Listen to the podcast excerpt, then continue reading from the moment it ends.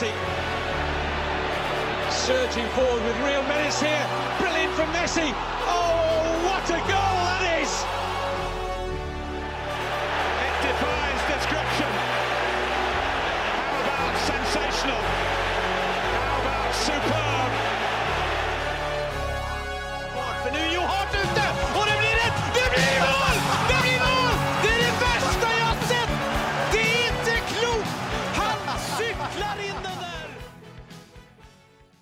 Ja Da var vi klare for episode 144, og denne episoden, den, eh, den skal vel ene og alene dreie seg om eh, overgangsvinduet. Jeg kan først si eh, hei, Mats Granvold. Hei, hei. Går det bra? Ja, jeg har det kjempefint, jeg. Mm, Åssen har du spilt treningskamp nå? Så? Ja, vi spilte mot Elverum på lørdag. Det gikk veldig bra, det. Mm, mm. Så dere er i rute for sesong? Eh, eh, nei, jeg håper ikke sesongen hadde begynt i morgen. Da hadde vi hatt mye å gjøre. Men eh, grunnlaget er bra, vet du. Ørjan. Han er jo veldig dyktig, han, så vi, vi må jo bare videreutvikle det. Og så. Men det var en god start. Ja. ja, ja. Så nå blir det annendivisjon. Du lover det, eller? Nei, Nei, det men eh, vi ønsker å kjempe om det, ja. Mm. Lover ingenting i fotball, det veit du òg, Edvardsen. Ja, ja det, det, det er sant, det. Fort ende med sykkeltur og sånn. Og så og verre, verre enn det òg. Ja. Eh, Søren Døpker, hei. Hei. Hyggelig at du kunne komme. Hyggelig at jeg fikk komme. Ja, ja, det, Som vanlig så, så Ja, ja. blir du invitert. Ja, det er koselig, det. Åssen åssen har det vært nede i koronaland det siste uka? Nei, det har gått, uh, gått bra, egentlig. Det er fint med lettelse i dag, da. Veldig. Det er Mm. veldig hyggelig. Mm. Så får vi håpe at de siste forsvinner. Jeg har ikke fått med meg de lettelsene. Nei, det, det som er nå igjen, er vel, er vel munnbind og, og meteren. Uh, og så vurderer de vel de fort opp de neste to ukene, og så håper man kanskje at de forsvinner nå innen 17. februar. da. Men uh, antallsbegrensninger på fotballkamp, man kan være borte. Uh, man kan sitte ved siden av hverandre, bruke alle plasser på kulturarrangementer, og der man har unntak fra meterskravet også. Det er et eh, godt steg i riktig retning, vil jeg si da, i hvert fall. Meteren, var ikke det kallenavnet til Oliver Ocean da han var i Lillestrøm? Var det det? Jo, Nei, det er litt før min tid. Stemmer. Så kan vi trekke konklusjoner på hvorfor. Ja. Jeg bør ikke trekke konklusjoner, jeg veit akkurat hvorfor de kalte Eh, ja, ja, men det er vel hyggelig. Hva, hva syns du om uh, snø og glatt føre? Nei, det trengtes da ikke. Nå, altså, det var jo så fint i helga. Det var jo sol og fem-seks grader, og merker litt at sola varmer til og med. Altså, er vi tilbake nå til uh, dypeste vinter med Jeg vet ikke hvor mye snø det har kommet, men i hvert fall altfor mye. Nå er jeg litt sånn klar for vår. Jeg vet at det er litt tidlig 1. februar, men Jeg tryna skikkelig i stad, faktisk. Du gjorde det, ja. Og nå har jeg, jeg har gått, nesten gått på trynet mange ganger. Jeg er sikker på fotballen har redda meg litt der, for jeg har god balanse og sånn, Ja. så jeg holder meg Ja. på beina. Men uh, Leo rykka til der, og da Det var ikke noe ålreit, altså, for det er jo bare blanke isen utafor her, ikke sant. Jeg, jeg, jeg sjøl har vært på, på konsert i dag med min yngste datter, som eh, driver og spiller eh, fi, fiolin. Ja.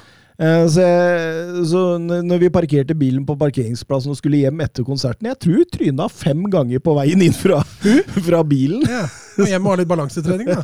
Ja, åpenbart, åpenbart. For det, men er voldsomt glatt. Altså, jeg regner med at jeg bruker en tre kvarter jeg hjem herfra i dag. Ja, for du har kjørt hit?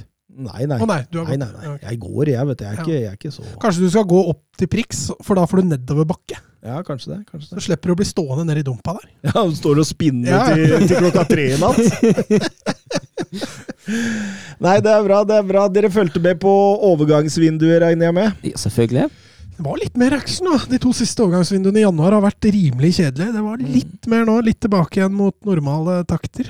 Ja, ja. Eh, etter hva jeg forsto, så eh, var dette det nest mest eh, Altså, hva kan du si? Eh, Den, det transfer-vinduet i januar i Premier League hvor det var brukt nest mest penger gjennom historien. Ja, og det skyldes jo nesten nesten ene og alene Newcastle. det var mest action i Premier League. Det var det, definitivt. Men, men vi skal jo gjennom denne gå gjennom alle våre ligaer, og så, og så får det bli som det blir. Eh, Vi, vi kan først begynne, da. Eh, Med et eh, Twitter-spørsmål fra Nisselue på vår kjære Nisselue. Eh, Jeg skjønner hvis gutta ikke vil gå for mye inn på saken, men det hadde vært gøy om dere snakket om Jervs mulige lag for neste sesong. Mangler vel bare Giggs som trener her. Og så har han, og så har han satt opp et lag. Og felles for samtlige spillere her, det er vel at man har vært dirty mot det motsatte kjønn uh, uten lov. Eller, eller mindreårig, rett og slett. Og så, så ille er det. Eh, og da sikter han vel altså Sistemann inn i det laget er vel Mason Greenwood, og Det er forferdelig. Ja, det er helt forkastelig. Jeg er kvalmende, rett og slett. Ja, den videoen som kom, var det søndag morgen han kom ut? Da. Ja, det var noen bilder, og så fikk vi altså Det blei jo sletta ganske kjapt, da, men eh, det blei jo alt plukka opp, selvfølgelig, og det blei jo bare spredt videre. Så jeg tror de fleste har fått med seg hva som var i den lydfilen. Som, men det er klart, vi skal være litt forsiktige før den er dømt, men det ser jo fryktelig dårlig ut, altså. Mm, mm. Og da er spørsmålet tror vi han noen gang spiller for Manchester United igjen? Nei, Det tror jeg ikke. Eh, Jeg tror kanskje, som vi har snakket litt om nå før sending, jeg tror kanskje han aldri spiller i topp fem-ligaen igjen. Da må, han, eh, da må han i så fall bli helt utvilsomt eh, frifunnet, og det kan jeg ikke se for meg at skjer.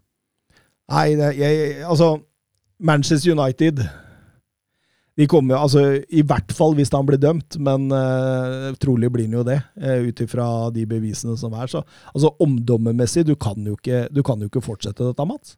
Nei, altså gitt han blir dømt, så er, så er dette noe du ikke klarer å, å reise derfra på, på profesjonelt nivå, tror jeg. Ehm, Jeg så også sponsorene av til og med United Teamviewer var ute og, og gjorde en statement hvor de følte sa de skulle følge saken nøye. Eh, Nike har jo suspendert eh, samarbeidet med, med Mason Greenwood, eh, og flere av hans personlige sponsorer har allerede backa ut, så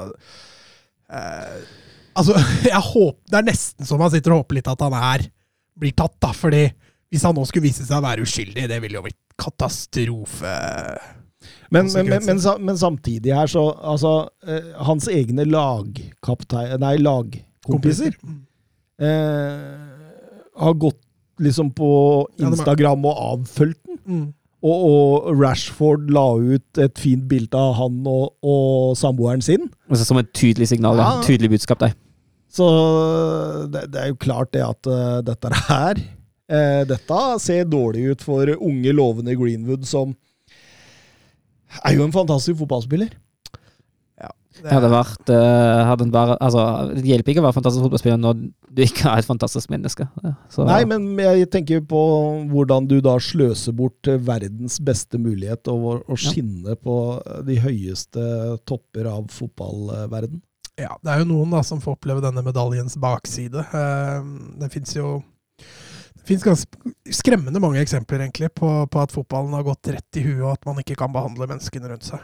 Mm, mm. Og Mason Greenwood eh, Han er så ung, da. Det er jo det som gjør det så ekstra, ekstra trist. Eh, så kan man jo selvfølgelig også tenke på samboeren hans, da, som har Ja, rett og slett har- har vært gjennom et mareritt. ja, det, er egentlig, det er egentlig det aller tristeste i hele saken.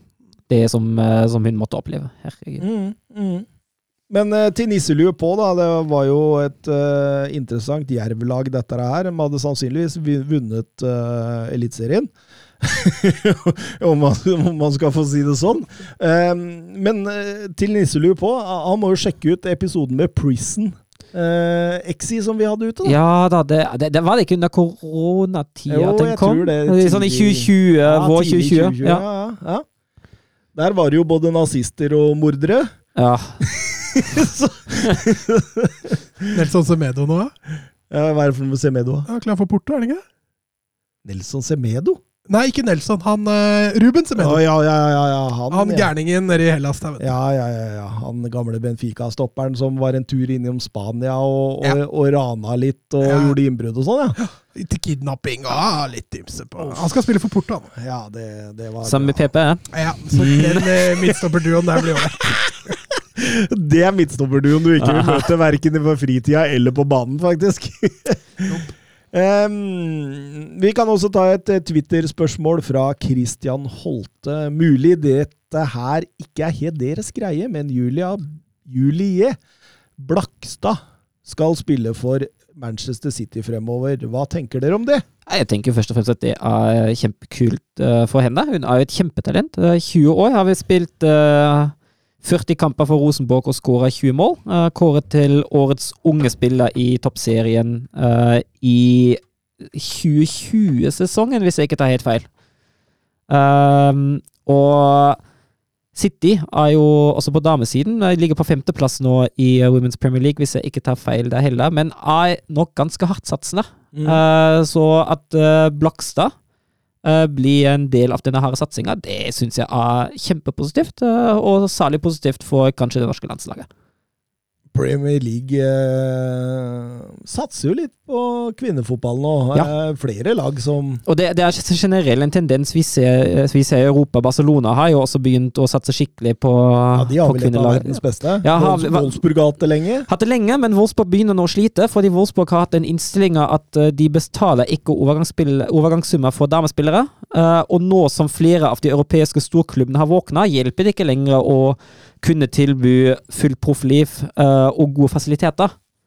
Nå har konkurransen blitt hardere, og da må Wolfsburg omstrukturere seg. Wolfsburg mister litt terreng i Europa. Det var jo samme miljø eh, blant de to beste lagene i Europa veldig lenge. Jeg vil fortsatt si at Wolfsburg er topp ti, Mm. eh, men uh, på ingen måte lenger helt der oppe. Så Barcelona sitt eh, feminine, feminina-lag. Det var jo spilt 18 kamper. 18 seire, 104 pluss. Ja, det er helt sykt. Hvor mange har Graham. Hansen skåret, da? Nei, jeg tror ikke hun er så veldig toneangivende foran mål, men hun er jo jeg tror, hun er fast. Hun og, og Syrsteingen er, er ganske hyppig i elveren. Ja.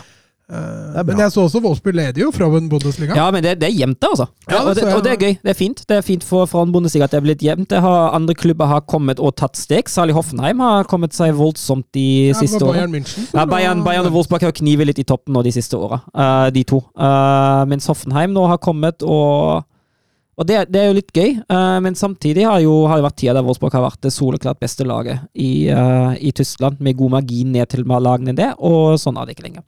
Nei. Så debuterte jo Solskjær da, for United. Ja, stemmer. Dattera. Ja, Karna. Ja. Karna. Ja, kult, kult, kult. Ny Solskjær i Manchester United, det, det, det er det nok sikkert mange som liker. Setter pris på det. Um, nei, skal vi bare sette i gang med overgangsvinduet? Skal vi bruke disse knappene? Ja, kjør da. Ja, vi gjør det. Vi gjør det.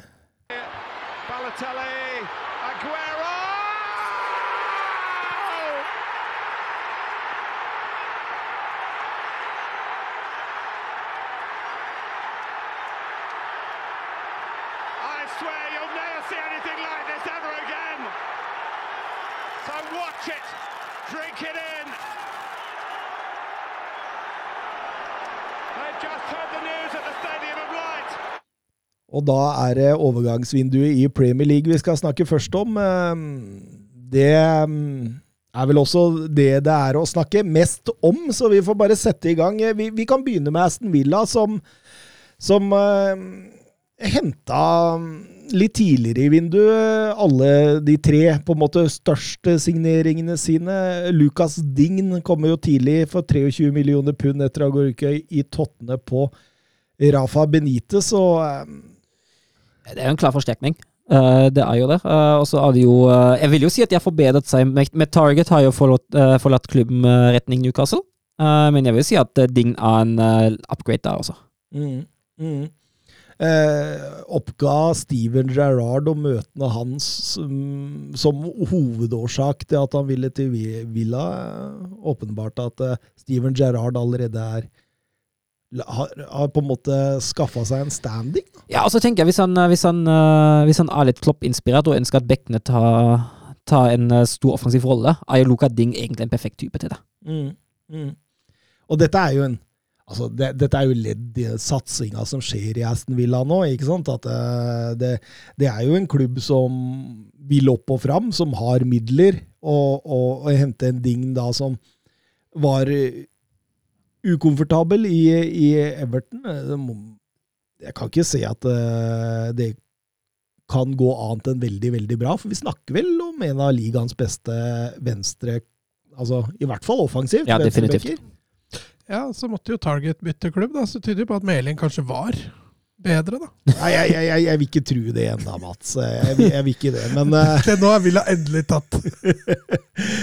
eh, El Ghazi er jo en del av handelen. Går til Everton eh, på lån med opsjon på kjøp. Eh, dette var jo før Lampard tok over Everton. Tror du, tror du El Ghazi er noe Lampard-spiller, Mats? Nei, altså Jeg tror nok han får en vei fram så lenge Everton er noenlunde skadefrie. Um, vi får bli jo veldig spennende å se hvordan Lampard går ut med dette. her da, For det mannskapet han har nå i Everton, det, det er jo et lite stykke ned fra det han hadde i Chelsea. Men, men samtidig, da, jeg tror nok Lampard har vist tidligere at så lenge han kan sparke litt underfra, så kanskje det passer ham bedre. Mm, mm. Eh, vi eh, tar litt Everton litt seinere. Coutinho, Mats. Der har du vel noe å si? Han gikk til eh, Aston Villa. Ja, må jo bare gå bra, det. Ja, du tror det, eller? Ja, altså, det som eh, irriterte meg litt, er jo det å se at han nok en gang blir brukt på kanten. Uh, altså, Buendia har jo vært fantastisk etter at han har tatt over den tierrollen. Og, og, og, så jeg tror ikke Coutinho bare tar den rollen med en gang. Men vi får se. Uh, det ser ut som han må innfinne seg i denne venstrekanten, så han må jo løsne for den der, da. Mm. Uh, men det skulle ikke forundre meg om han glimter til. Villa må betale 65% av lønna hans fram til sommer, og da får Villa lov til å hente den for 40 millioner pund. Søren, ville du, eh, ville du gått for den, eller? Og ja, Det er jo litt spennende, det, det interessante spørsmålet. Jeg tenker at det er i aller høyeste grad avhengig av hvordan han presterer nå. Uh, for Coutinho blir neste halve året veldig avgjørende. Uh, om og i hvilken grad han faktisk uh, klarer å bite seg fast som en toppspiller, eller ikke. For hvis det ikke lykkes i, eh, i Villa nå, uh, altså da, da begynner det fort å gå mot mindre klubber i, uh, i mindre liga også. Ja, ingen som har råd til det. Nei da, men, uh, Og kontraktstida si ut i Barcelona i så fall. Det er litt morsomt, da. Han, uh, han grein seg vel til Barcelona i sin tid da han Ja. var i Liverpool, fordi han hadde lyst til å vinne Champions League. Og så Det backfired. ja, altså, To strake Champions League-finaler med én av dem seire var svaret fra Liverpool, og da Kan det ha vært noe med rådgivere der som ikke var altså, for, for alle så jo at Liverpool og Klopp hadde noe stort på gang. Mm. Jeg, jeg, jeg, forstår ikke helt den der. der. Men, men, men kanskje Barcelona er en klubb det er vanskelig å si nei til? Ja, du kan spørre Aubameyang. Uh, det var jo Han sa ja. ja. Eh, altså, jeg tror nok det. altså Når Barcelona banker på døra Hvis du er sydamerikaner Ja, det- i tillegg, det- da jeg tror det ringer godt i øra dine. Ja, Altså. det, det er noe med det, og så er det jo noe med, med klimatiske forhold. Det er sikkert mye gøyere for en brasilianer å spille i, uh, i finværet til Barcelona enn i pissregnet i Liverpool. Jo, jo, men det regner i Birmingham òg. Jo, jo, Ja. det gjør jo det. det, det, det, er, det er gråværsdager i Birmingham, det, det kan jeg skrive under på, for å si det sånn. Oppover i, Altså, det er jo en fordel for klubbene i London, øh, geografisk sett, når de henter spillere til Premier League. Veldig ofte sånn at det, altså, hvis du, hvis du får valget mellom to ganske like klubber, eh, og, og, og, og mye av betingelsene er det samme, så velger spillere av stort sett London kontra Newcastle. Sånn er det jo. Jo, men så du på TV2 på Deadline Day? Ja, de var intervjua Atta Neke? Eh, jeg var inne og så litt, ja. Jeg så du intervjuet med Atta Neke? Nei, det gjorde jeg ikke. Eh, det han sa, det reagerte jeg litt på, nemlig fordi han var i Lans for Patrick Berg og så på forholda. Ga beskjed til Patrick Berg at dette er it, liksom. Så Patrick Berg hadde jo ikke Nei. Det er mulig Patrick Berg har hatt med at han overdreiv rollen sin der, det kan godt hende, men for meg virka det som det var agenten som hadde bestemt hvor neste ferd går, da. Ja, men, det, men, men, men sånn tror jeg det er flere steder. Altså, Skaffer du Mino Raiola som, som agent, så tror jeg Ja, er han forteller hvor du går. Stort sett. Det blir jo for meg helt tvistet, det, egentlig. Kanskje, Kanskje, kanskje Patrick Berg ikke kan fransk? Ja, kanskje det. Det er vanskelig å si. Vanskelig å si. Um, siste fra Villa som er verdt å ta med, Callum Chambers gratis eh, fra Arsenal. Eh, styrke troppen eh, først og fremst, tenker jeg. Ja, og det er jo det er ikke noe feil. En gratis overgang der. Det er jo, det er jo helt greit til å, til å få litt bredde i, i troppen. Han har jo begynt å få seg litt rutine. Eh, vi kan gå over til Newcastle. De begynte jo eh, Ja, de, de har jo kjøpt litt. Vi kan begynne med Chris Wood for 30 millioner pund Ja, fra Og da sa vel Chris Wood sjøl at uh, han visste at den utkjøpsklausulen var der. Men han hadde aldri i livet trodd eh, at noen skulle trekke Og det er jo, altså, det er jo overpriser som det er. Hvor gammel er han? 30, ikke sant? Han er 30 år gammel? Ja, Eh, og Og veldig begrensa. Ja, veldig begrenset. Og det er jo overpriser til luxe, men det er to forhold som jeg tenker spiller inn der. Uh, Det ene er at Newcastle egentlig ikke bryr seg så mye om penger akkurat nå. Eh, og det andre at man samtidig svekker en direkte konkurrent om uh, i nedrykksstriden. Og så er Wilson skada, da. Jeg Ja, ja, jo, jo, for all del. Han- de hadde nok ikke- ikke henta Wood hvis ikke Wood var skada, nei. Det vil jeg ikke tro eller håpe. Eh, Jo, men, men men, men at han skårer en 7-8-9 mål i Newcastle, eh, det, tror jeg, det tror jeg fort kan skje. Eh, det er jo en boksspiller. Det er jo en, altså Blir han fora av Trippier, så setter han eh, sjansene sine, han. altså. Mm. Eh, for Trippier er jo neste inn. Herlig overgang. Ja, fikk de jo god pris på òg. Ja, voldsomt god pris. Altså, vi snakker om La Ligas kanskje beste høyrebekk sist sesong. Eh, engelsk landslagsspiller. Eh, en bra fyr i garderoben, altså en leder. En, eh, en som Altså det, det har jo kommet rapporter i senere tid fra Atletico Madrid òg, hvor viktig han var i garderoben.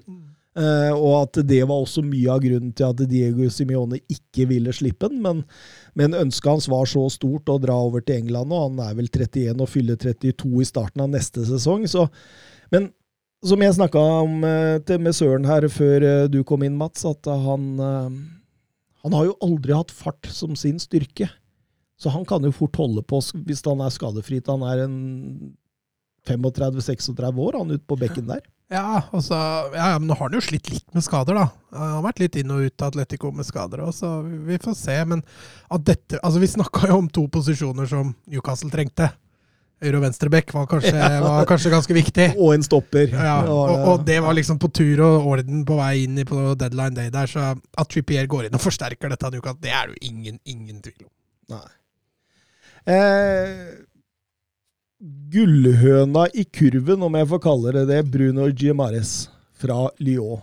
Ja, det er jo Det, det er jo en, både en overgang som, som hjelper laget akkurat nå, og som har framtid. Altså, ja, Trippier har jo også framtid, som jeg har vært inne på, men uh, han er jo 24.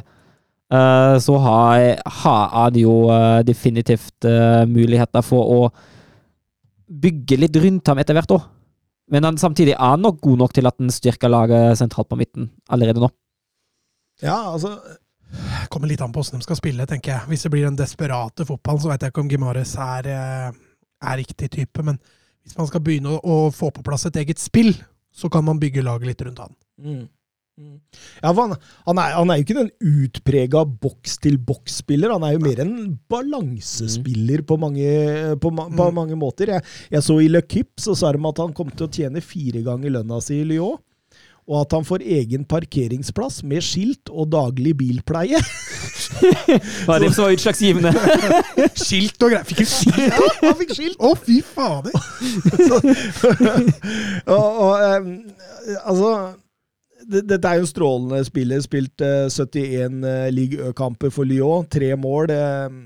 Jeg husker han var sterkt rykta til Atletico før han gikk til, eh, til Lyon, men så falt det på overgangen. mm, mm. Så, så han har vært ganske eh, ønsket. Ja, og, og, og, og, helt opp til nå, egentlig. Av Ja, både Juventus og Arsenal. Ja, Ever Everton vel også. Everton Mm. også, ja. Så det, det, det er jo en spiller her. Men, men, men det koster jo. Ja, Det gjør det, men Det, det det, er jo dyrt. 42 millioner euro.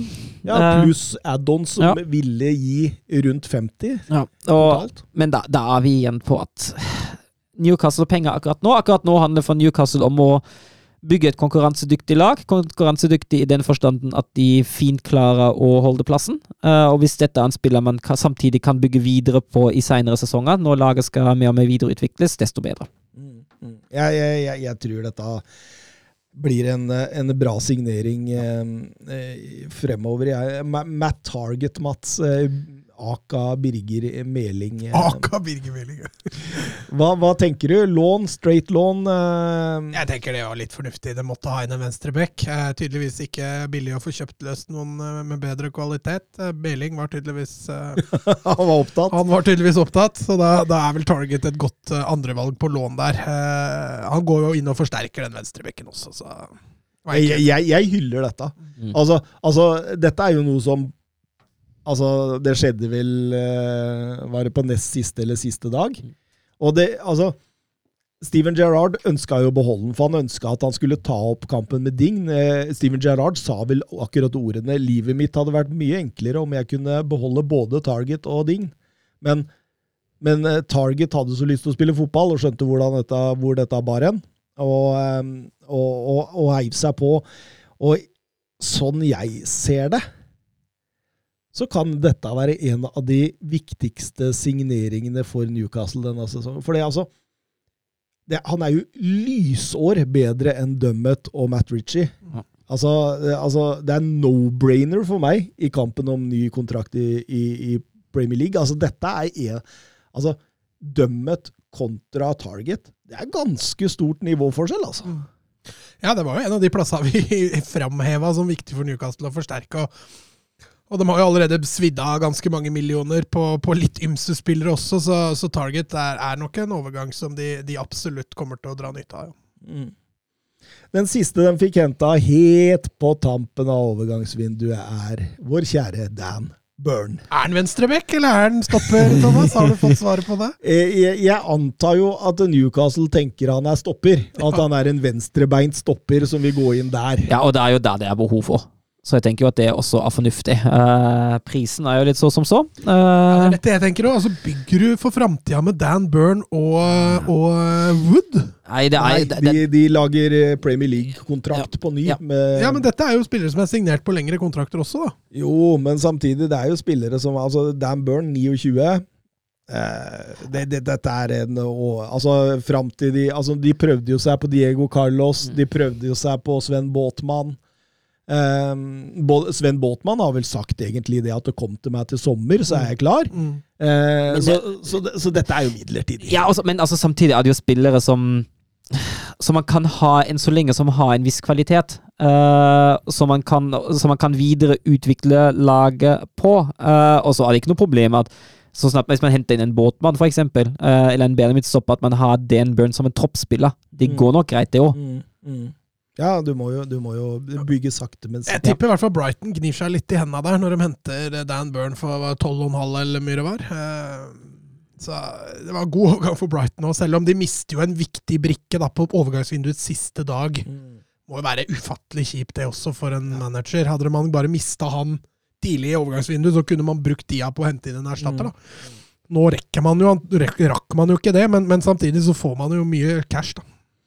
Absolutt. Geir Halvor Kleiva på Twitter han uh, skriver her uh, dere som har så god kontroll på hvor mye Dan Burn koster på Transfermarkt. Han, han uh, tenker vel på den lille quizen vi utsatte oss sjøl for for et par episoder siden. her. hva synes dere om at Newcastle kjøpte han for omtrent fire ganger av hva han er verd, i hvert fall ifølge Transfermarkt?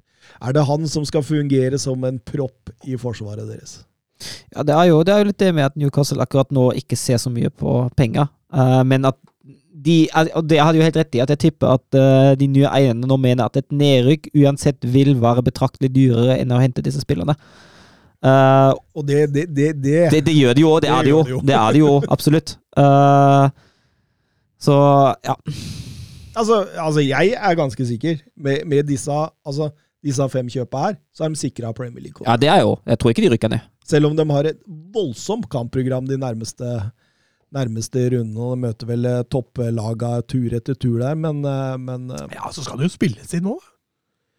Du, mest sannsynlig går jo tre, kanskje fire av dem rett inn i elveren. Relasjonelle vil jo være svekka en, en liten stund framover, så Ja, nei, vi får se. 12,5 for Dan Burn er fryktelig mye penger. ja, det er til og med setter rapporter opp mot 15. For som jeg opererer faktisk med 15. Ja. Um, Didrik Tofte Nilsen.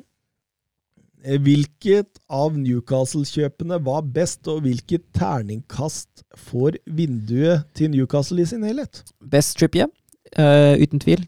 Særlig hvis vi ser på, på pris, pri, pris, og behov, uh, og kvalitet som kommer inn. Uh, vi har jo fått et spørsmål på, på det, og der Trippier også skåra ganske høyt. og jeg vil, jeg vil jo gi Newcastle en femmer på det her. litt trekk i, i pris. kanskje en litt svak femmer med tanke på pris, men behovene er fulgt, og de har har forsterket kraftig. Ja, så fikk de ikke inn den offensive midtbanespilleren ja. sin. De jaga jo både Ally og Lingard og, og en til dem var veldig trakt. Ramsey var vel en periode aktuell der.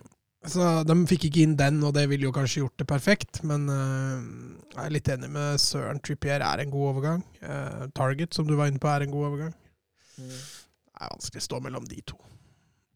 Jeg, jeg tenker Altså For en Newcastle-supporter, spesielt de engelske, så er det altså, du, du har de som håpa på Kylian Mbappe. Og så er det jo de som eh, Og så er det de som hoppa på Danny Ings. Skjønner du hvor jeg vil hen her? Um, Førstnevnte eh, har jo et veldig skuffende skuffende vindu. Uh, men de er jo heller ikke rot i virkeligheten. Uh, Sistnevnte bør jo tenke at dette er bra vindu. Du tetta noen hull. altså Du tetta bekker, du tetta stopperen, uh, sentral balanserende og en angriper i Callum Wilsons sin skadefravær i tillegg, eh, som også sikkert kan gjøre bidrag etter Wilson kommer tilbake også. Eh, jeg jeg syns den er på sånn fem minus, jeg da. Jeg, jeg legger ikke Betaler så mye for de som Ja, spiller. men det bryr ikke de eierne seg Nei, om. nei, men det må jo vi legge til grunn når vi bedømmer overgangsvinduet. Altså, vi, vi, vi, har ikke, vi har ikke fått de spørsmåla her eh, Vi har ikke fått i spørsmålet her om at uh, vi skal ta uh, verdi til hensyn i det spørsmålet. Nei, men det, det gjør jeg jo når jeg bedømmer et overgangsvindu. Det gjør jeg jo definitivt. Eh, jeg tenker at det gjør jeg automatisk, men jeg tar også, Jo, men- jeg tar, men- men jeg tar også, jeg tar også i betraktning det du sier, at penger har ikke så mye å si for Newcastle akkurat nå. Ja, det, det, det, det må man jo helt klart gjøre. For det- altså, altså et nedrykk for Newcastle her da ah, altså, da, da tror jeg de hadde betalt ti Chris Wood for til 30 millioner pund. Det er jeg helt overbevist om. Jo, Altså, det er jo ikke dermed sagt at det er en veldig god overgang for Newcastle. men Nei, nei, nei, for så vidt ikke. For 30 men, millioner, det var litt det jeg skulle fram til. For 30 millioner pund så tror jeg kanskje man kunne flaska opp en, en, eh, en spiss, hvert fall. Kanskje om ikke bedre, da, så i hvert fall en spiss for, mer for framtida også. ja, ja. som De hadde jo han eh, fra eh, Rem, eh, 18-åringen Hugo Ekitike. Eh, var jo lenge den, den falt vel i siste øyeblikk der. Det hadde vært en motsatt type signering. En eh, 18-åring med, med stor, stor framtid. jeg tror ikke helt de kanskje tør det i den situasjonen de er i nå. Hadde de ligget trygt på 12.-13. plass, tror jeg de hadde vært mer tilbøyelige til å ta den type overgang. Ja, han, han- skal ha vært nær, altså. Så. Ok, ja. Eh, men, men, men nok om det. det vi, vi er vel alle enige om at Newcastle holder seg. Jeg tror det. Eh, Vi kan gå over til Everton. Eh, Starta jo med Mykolenko som erstatteren til, eh, til Dign. Mykolenko som eh, Ja, vi var litt innpå han eh, EM. Ja, ja. Som en av de vi ville se litt opp for. En offensiv type moderne Altså rett og slett en, en Luca Dign 2. 2-0. Eh, ja, altså, det er en oppgradering, altså? Ja, om ikke en oppgradering. Han er, han er nok ikke bedre enn Luca Ding nå, men han kan bli bedre om, enn Luca Ding på sikt. Eh, hadde jo ikke noe voldsomt godt EM. Jeg husker jo at de begynte å skyve Zizjenko plutselig ned på venstrebekken der og sånt, så, men Ja, det var noen hull som oppsto bak ham. absolutt. Men, eh, men eh, jeg, jeg, jeg 17 millioner pluss add-on, det høres ut som en risiko verdt å ta. Ja, det gjør jo det. Han er 22 år gammel. Det er ikke, det er ikke sånn kjempedyrt i internasjonal sammenheng. Men så har du jo ukrainere i Premier League, da, Mats. Sjevtsjenko, Rebrov, Voronin, Jarmolenko. eh, Jarmolenko, ja. Eh, Lusjny i Arsenal, husker du, gamle høyre, høyrebekken. Det har jo ikke vært voldsomt bra, det som ukrainere har vist i Premier League før. Nei, men det trenger jo ikke ha noe å si for Mikolenko. Nei. Og Zinchenko gjør det brukbart når Ja. han får spille, så eh, for all del. Eh, spennende. Mikolenko sier sjøl 'viktig steg i min karriere'. Jeg har alltid drømt om å få spille Premier League, så det, det må jo gi vann på, i, i munnen på en rekke Everton-fans, det. Eh, Nathan Patterson, vi var så vidt innom han i en tidligere episode òg, signerte for Rangers. En, en, spiller, en høyrebekk, ung høyrebekk, som egentlig ikke er fast i Rangers engang. Nei, han er 20, 20 år gammel, Uh, og er nok, er nok et talent. Får man se hvordan han, uh, hvor han utvikler seg. Jeg tipper at han, uh, han er en sånn type spiller som bygges opp eh, sakte, men sikkert i klubben. Ja, offensiv type. Har allerede skåret på det skotske landslaget, så det, oppsiden kan være stor. Eh, og så kom det jo eh, de to største da på, eh, på overgangsvinduet siste dag. Donny van de Beek. fra- Sier du at David Klassen 2 spiller for Everton nå? ja, de har, de har oppgradert David Clasen noen år etterpå til David Clasen 2.0. For han er en bedre versjon av David Ja. Clasen, men likevel. eh, Jeg er spent på dette her, altså. Ja, så kommer jo Deli Alli inn rett etterpå, så tenker jeg Som er litt av den samme type. Mm. Mm. Eh, Donny van de Beek, 579 minutter Premier League-fotball på, eh, på eh, snart to sesonger. Eh, Solskjær sa vel 'dette er ikke min avgjørelse', og henta han. og eh, Alt har vel egentlig gått rett vest fra å være superhypa semifinalist og, med Ajax i Champions League til å, til rett og slett knapt nok spille fotball. floppe. Ja, men det, det er jo dårlig forutsetning og når, når man går til en klubb der treneren sier at jeg vil egentlig ikke ha han. Altså, men det, det bør jo spille en hvite sjøl òg. Altså, jeg tenker at det er jo klassisk tilfelle av gått til feil klubb til feil tidspunkt. Så jeg, jeg, jeg er også spent hvordan det går i Everton nå, for det er hans sjanse til å vise at han faktisk er god nok for Premier League. For det han har vist så langt, har jeg ikke nødvendigvis antydet det. Tenk hvis Lampard nå går for en, den typiske 4-3-3 som han liker veldig godt. Mm. Og så foretrekker han altså, For du kan ikke kjøre van de Beek og Ally som to indreløpere i en treer på midten. Eh, så du må jo velge én av dem. Mm. Og så velger han Ally. Og så blir Donny van de Beek sittende på benken. Ja, det var jo det jeg skulle fram til da jeg sa det, at de henta Alli rett etterpå. Det Uh, nei, det må jo bli et ordentlig slag i trynet for van de Beek. Uh, men, men er det på tide å legge opp. Ja, i hvert fall kanskje bytte klubb, da, for permanent. Fordi, altså Deli Alli kommer jo på permanent basis til Everton. Det er Mm. klart man heller vil finslipe den typen. Ja, for det er ikke En- noe opsjon på de Beek. Nei, enn å da slippe til De Beek bare for å få han i form for United. Og, og, men det er klart, kommer de dit hen hvor det er all or nothing for å berge plassen, da kan det hende van de Beek er et, er et godt alternativ. Mm. For Del Alli han kom, han, han var vel omtrent den siste spilleren som skrev under eh, for en annen klubb der. Eh, 12 millioner pund etter 20 kamper, gratis eh, akkurat i dette øyeblikk, og kan bli opp mot 40 millioner pund etter prestasjoner av Alli og Everton. Eh, Daniel Levi, dette er litt sånn dumdristig å, å, å, å kreve penger etter prestasjoner av Everton, men Jo, men det er jo bare for han å dukke opp på banen. ja, så, så har du 12. Ja, Ja. Ja. var litt det jeg skulle fram til. Altså, Men vi snakker om en spiller her for to år siden var verdt en milliard i transfermarkt. Ja, og nå, men den har, jo, den har jo blitt en kvart nå, eh, den verdien der. Absolutt, absolutt. Eh, Jo, men det går jo én vei med han. Ja. Eh, Det blir veldig spennende å se. Det blir jo liksom et nytt kapittel for han. Eh, Jeg tror han har godt av å komme seg litt ut. Jo, det tror jeg òg, at han trenger nye omgivelser. Men eh, han starta jo i Tottenham eh, når Tottenham var nesten på sitt beste i den perioden de har vært. da. ja, I den oppbygningsfasen Ja. til Pochettino. Ja, og Nå kommer han inn da og skal være med på det samme i Everton. Så det blir, det blir spennende å se han, eh, om, kan, om han også kan begynne litt på scratch.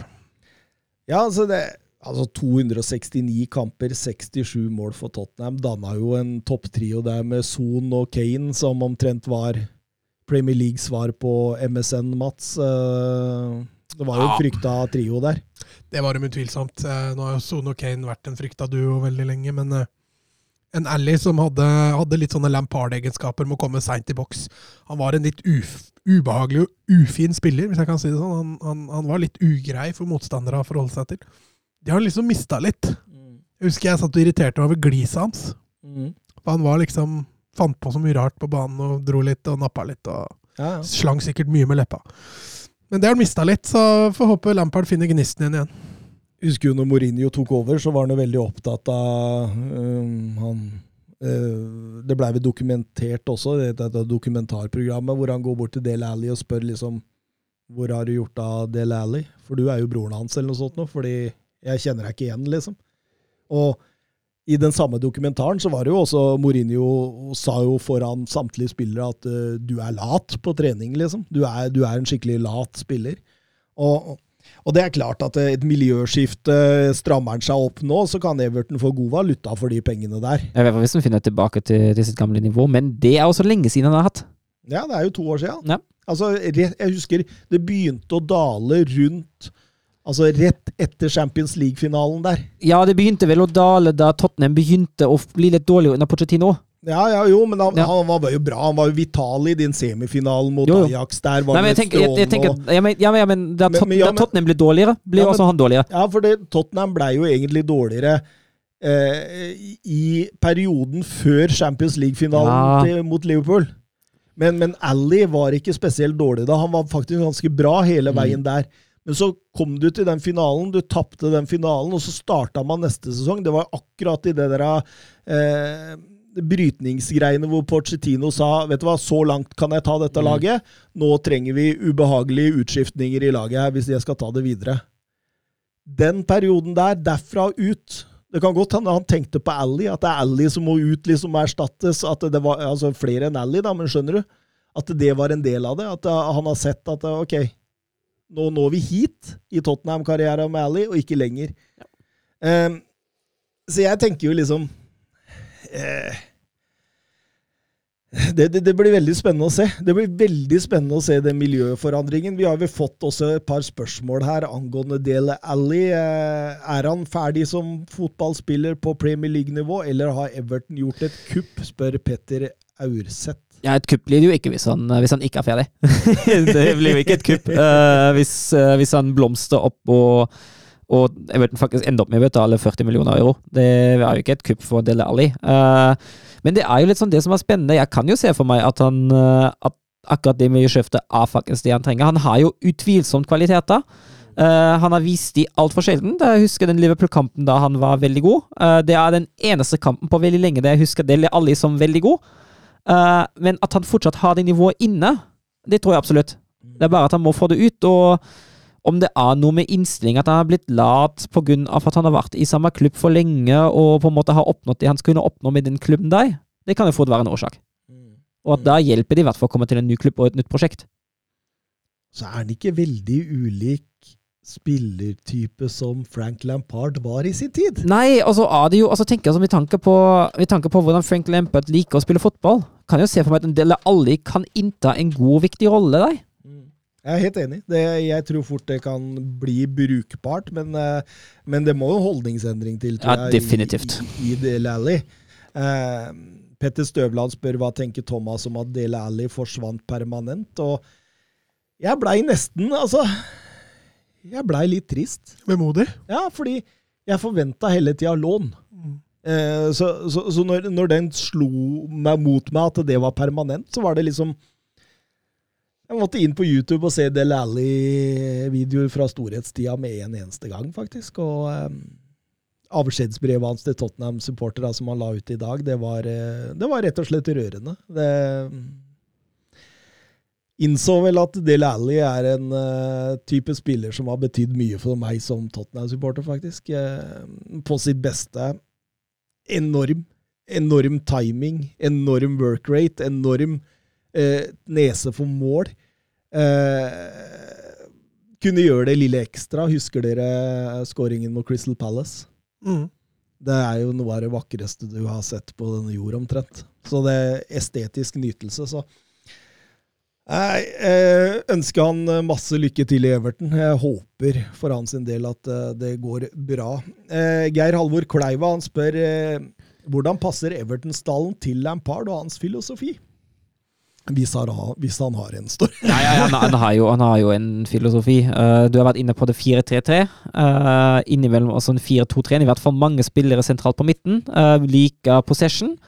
Uh, liker å, å spille seg gjennom sentralt. Uh, pressa som regel høyt, men ikke i en Liverpool-stil for å angripe, men heller som et første forsvarsledd. Uh, med tydelige svakheter i det defensive. Mm. Altså, hvis, hvis du tar med høye bekker der, Ja, så, ja. Så, så er du inne på noe.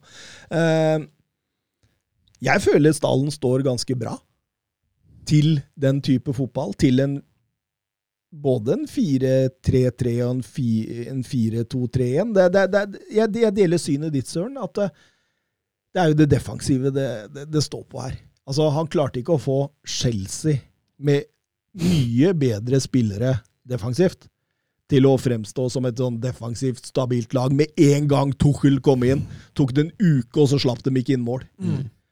Ehm, og eh, jeg tenker jo med en, en Keen, Santimina, en Godfrey ah, det, det, det, det lukter litt sånn 3-3, 2-3-tap. Skjønner? Mm.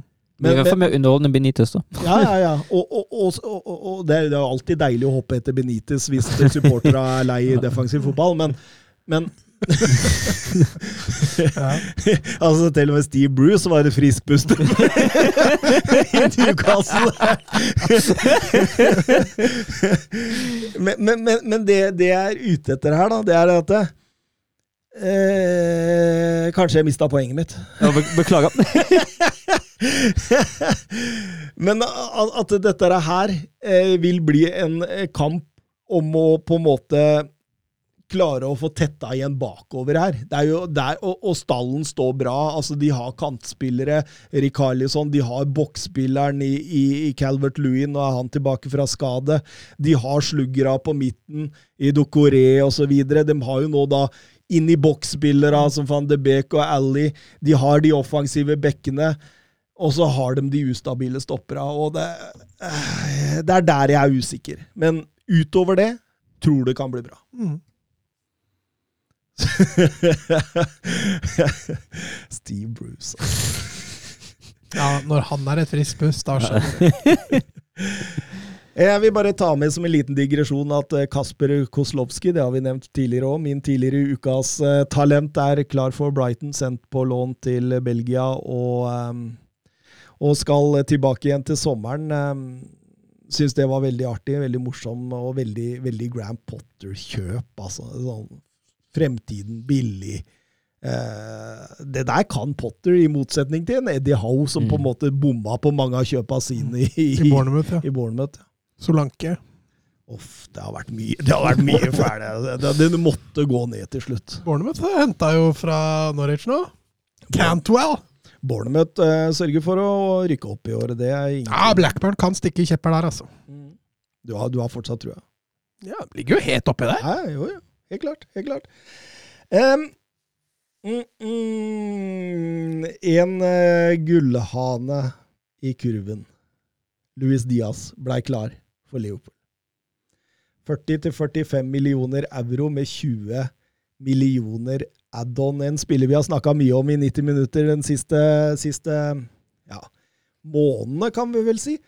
Um, jeg fikk jo spørsmål sist uke om det sporet med, med Luis Diaz hadde gått kaldt, og, og svarte jo det, således ja.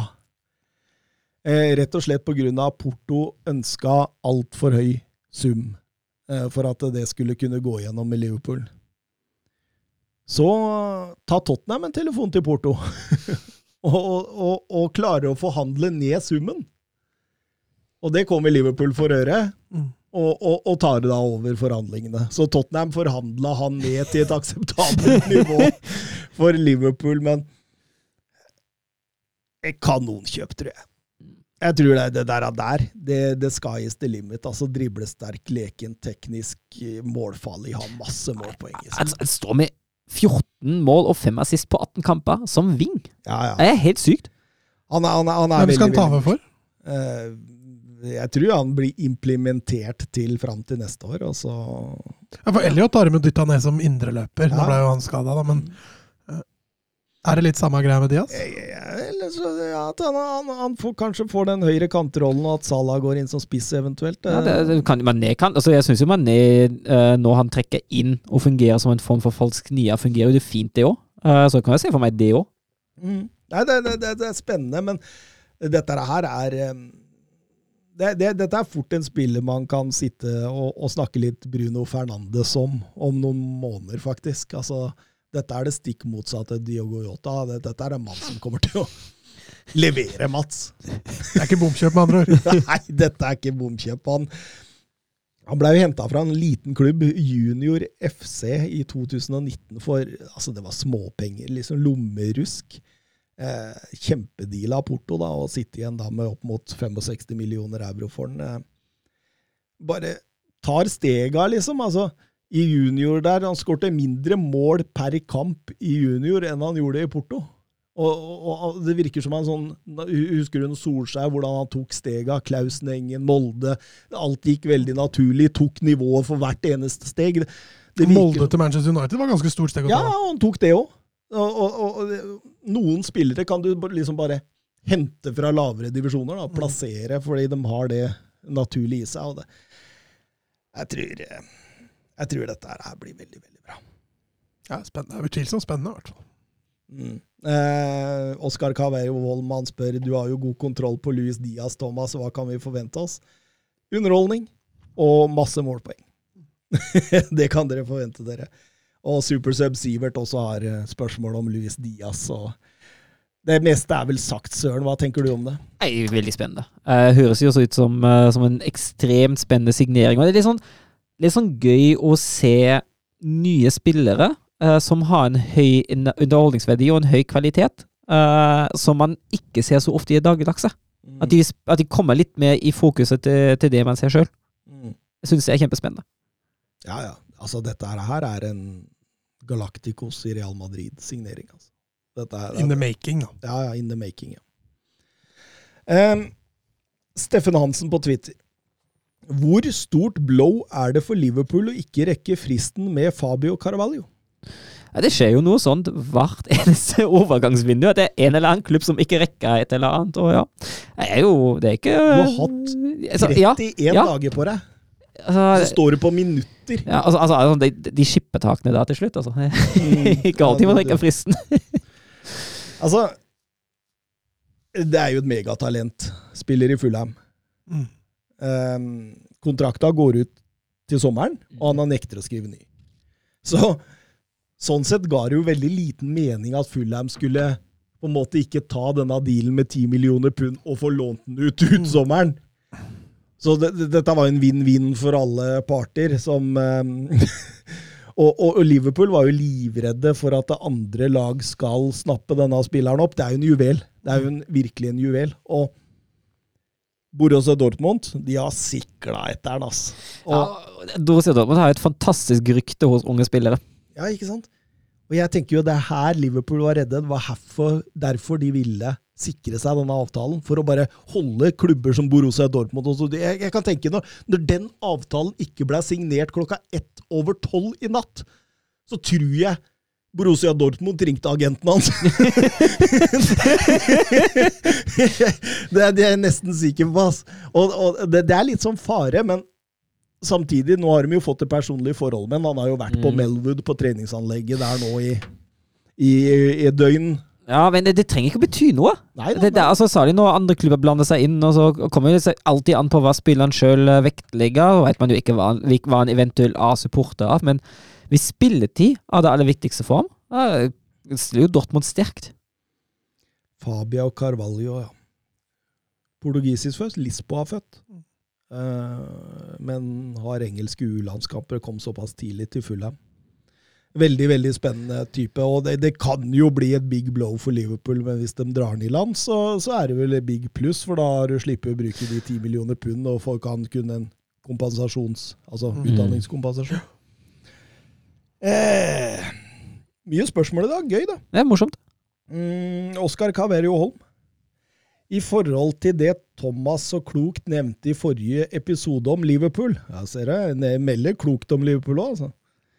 Eh, det at Liverpool står ved et veiskille med tanke på Klopp, og at laget han skal, og laget han skal overlevere når han er ferdig Har du sett Liverpool Echo i dag? Og det, Da måtte jeg inn og kikke.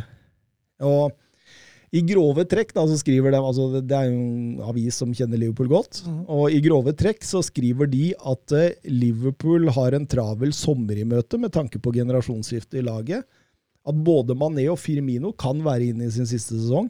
At de forhandler fortsatt med Salah, men at eh, Mané og Firmino Usikkerhet om framtida deres. Eh, Milner, Keita, Ox, Minamino Det var mange som var på vei ut, og at eh, Luis Diaz var på en måte den første Brikka. Ja, mm. brikka, og at Jude Bellingham er nummer to. ja, sommer. og det er jo fornuftig å hente inn en Jude Bellingham. Han, jo, han har jo absolutt nivået inne.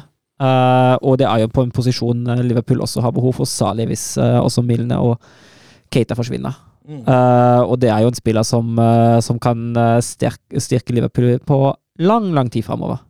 Absolutt. absolutt. Og altså, altså, hvis Mané skulle forsvinne Jeg tror jo kanskje ikke at han gjør det, men hvis Mané skulle forsvinne, jo, gir jo Diaz overgangen enda mer mening, da. Mm. Men at Feminos framtid er litt usikker, det, det, skjønner jeg, med tanke på prestasjonene i det siste. Mm. Men uh, hvis jeg var Liverpool, hadde jeg i hvert fall prøvd å beholde Mané og Salah uh, en god stund til. Så, så er det jo så, så, så veit jo de også at de kanskje er inne i sin siste sånn store Mm. kontrakt, og, og det, det pleier å, å by på litt utfordringer, men vi får se hva som skjer. Tottenham, Dejan Kulusevski inn, Mats. Du har hatt den som ukens talent. Ja. Eh, Hva tenker du om eh, denne avtalen? Nei, altså han har jo fått en veldig god skole i Atalanta. Slo gjennom i Parma, og så har det vært bråstopp i Juventus. Eh, Jeg tenker jo i hvert fall at karrieren hans kan det ikke gå så mye verre med, i hvert fall, enn det han gjorde når han gjorde Juventus. Jeg er jo alltid litt skeptisk, jeg, da, når spillere går til Premier League, for jeg veit jo at det er en tøffere liga. Eh, Så jeg er veldig spent på Kulusevski. Eh, Men han er jo en litt kontespiller, i hvert fall når han spiller med den trioen framme. Jeg veit ikke helt om de får plass til når de skal spille med to spisser, men, uh, men så lenge man spiller med trioen framme, så kan Kulusevski være, være ganske ideell. Altså. En temposterk spiller, uh, perfekt for Conte i, i, eh, i kontringsfotballen. Uh, god én mot én.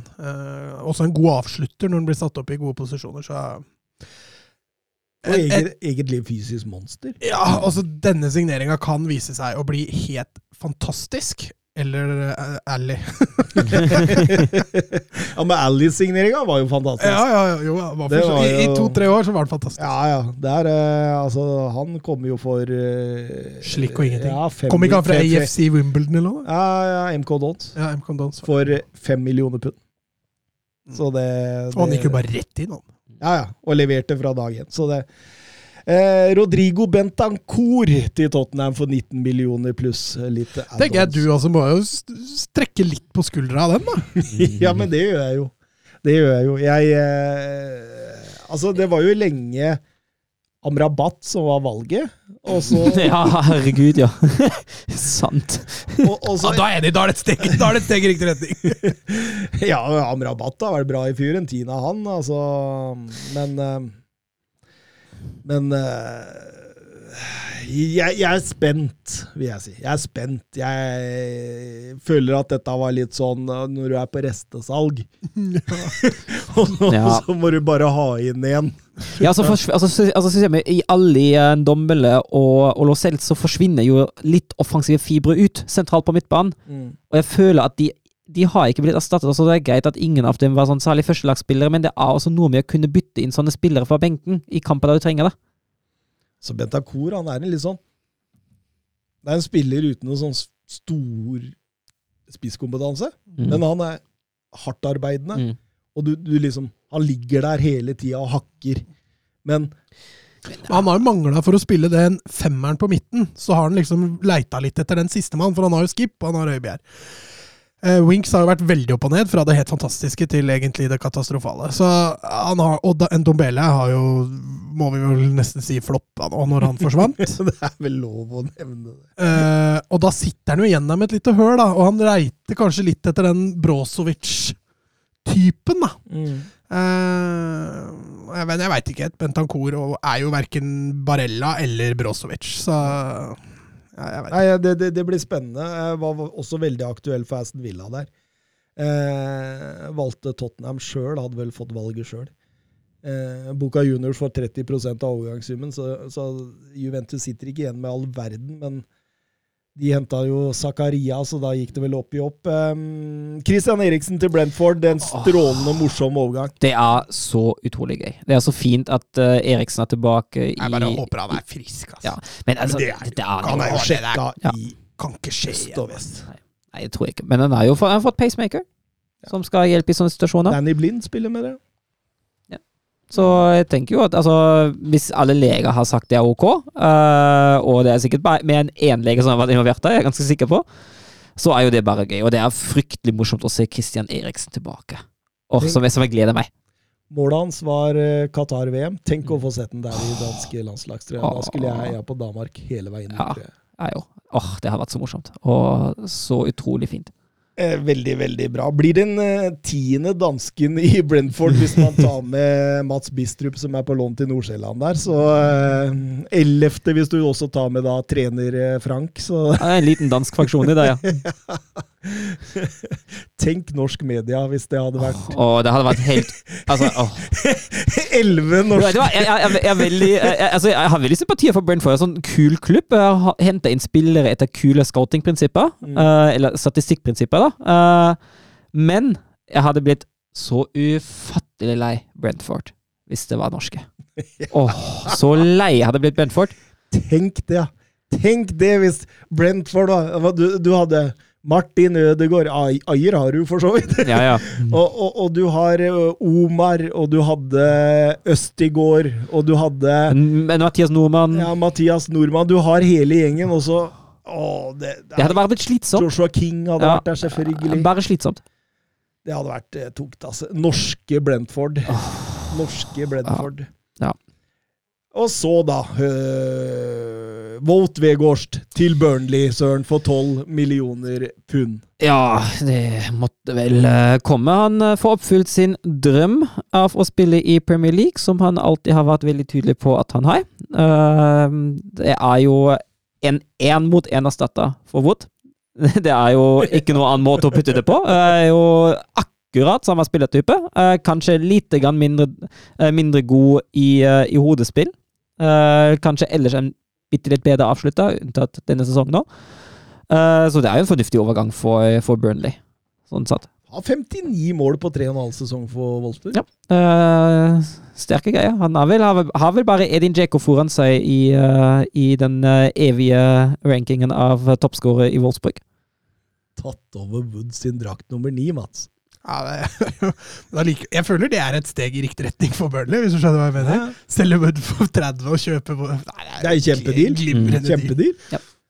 Eh, Kunne Burnley erstatte Chris Wood på en mer burnleysk måte enn å hente Vegård, spør uh, Jørn Henland. Nei. Det er å børste støv av Jostein Flo, da.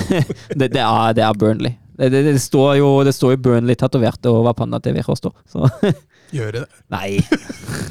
Eh, Sean Dyche sa jo sjøl at det, Vegårst er en fysisk spiller som kan effektivisere måten vi i Burnley spiller på. Ja, Og det tror jeg på.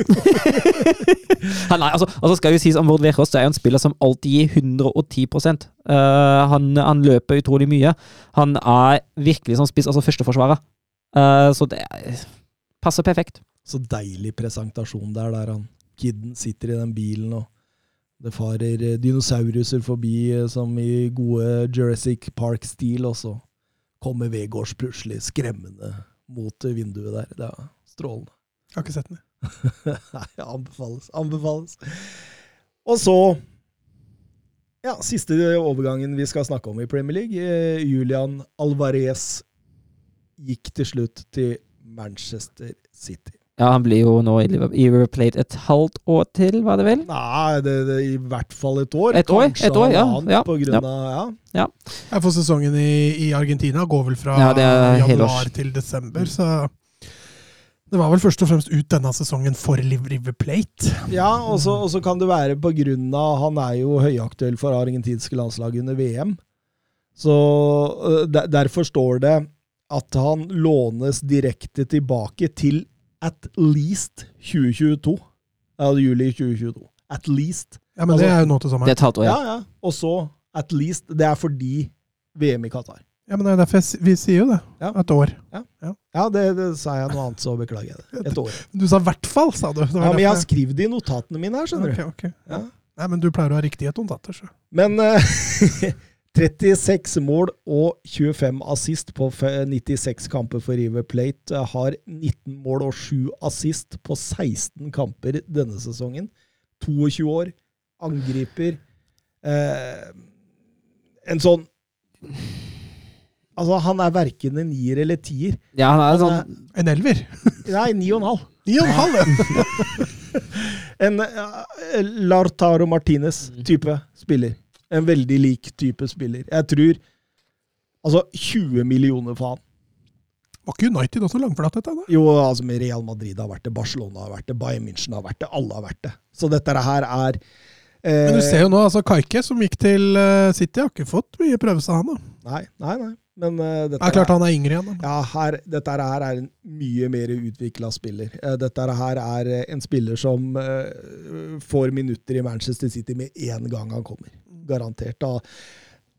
Dette er en spiller de har lagt store blad Altså, han er jo flaska opp av Gallardo, vet du. Denne Bielsa-eleven. altså Blitt omtalt som den beste treneren utenfor Europa. Eh, gjort en strålende jobb med den der. og Alex Bjørkan skriver på Twitter tror dere signeringen av Alvarez er ment som førstevalget på topp av City, eller kommer de til å prøve seg på Braut i sommer? Jeg tror de kommer til å prøve seg, jo. Eh, men det er jo perfekt å ha to forskjellige spillertyper på topp, eh, hvis eh, de skulle lykkes å dra i land Braut òg. Jeg tror dette er signal på at de ikke prøver seg på Braut. jeg tror Tror det. du det? Jeg tror ikke det. Jeg kan ikke se det for meg. De trenger fortsatt en Altså, han, han er en øl, eller? ja, Greit, det. På- Du vedder på at han ender opp i City? Ikke nødvendigvis Braut, men en ny nier. det er ny, at City signerer en ny spiss til sommeren, uavhengig av, den, av Alvarez-signeringen, ja. Den, Ja, men- den er jeg med på, faktisk. Ja, men jeg mener Braut. Ja, ok, den er litt verre. Ja, Den er litt verre, at at, City kjøper jo huet og ræva, så det kan de ender opp med å kjøpe en nier uten Men, at men, men grunnen til at jeg tenker på at dette går ikke utover det der nierkjøpet deres, da, det er, det, det er litt eh, delt eh, Altså, først og fremst fordi eh, Alvarez kan også spille dypere i banen. Han kan spille på kantene. Han er ikke noe typisk sånn nier. Eh, og han blender seg veldig mye inn i de andre Manchester Ja. City-spillere, de under eh, 1,63, holdt jeg på å si, Ja. som flyr Ja. rundt der og er veldig ja det, det er ikke Altså, den spiller er ikke den spilleren som sørger for økt tilstedeværelse i boksen. Nei, Det er jo da det, det, er jo da det ligger, og det er jo det City har hatt behov for. bryter mellom linjene hele tida Mm. der og, og ligger og Ja, jeg er helt enig med deg. Eh, Bernt Olav Gjellære eh, Hansen på Twitter han spør hvem er overgangsvinneren i Premier League i dette vinduet? Eh, Newcastle. Ja, må jo nesten bli det. Jeg kunne kanskje med Aston Villa på en god nummer to. Eh, overgangen til Diaz alene er jo også veldig bra for Liverpool. Eh, jeg holder også Newcastle som Ja, jeg gjør det. en eh, det, jeg favoritt der. Eh, Egentlig soleklart, fordi det, på kort sikt så har de styrka seg såpass mye at jeg tror liksom at så det der, Du vet, det, nivåhevelsen da, eh, er, er så mye større enn hos de andre. Ja, og det, det er jo veldig sjelden at sånn skjer i, i et januarvindu, egentlig. Mm. Absolutt. Vi skal over til La Liga. Ja assistència de Xavi més cap a la dreta per Messi, Messi, Messi, Messi, Messi, Messi, Messi, Messi, immens Messi, encara Messi, encara Messi, encara Messi, encara Messi, encara Messi, encara Messi, encara Messi, encara Messi, encara Messi, encara Messi, encara Messi, encara Messi, gol, gol, gol, gol, gol, gol, gol, gol, gol, gol, gol, gol, gol, gol, gol, gol, gol, gol, gol,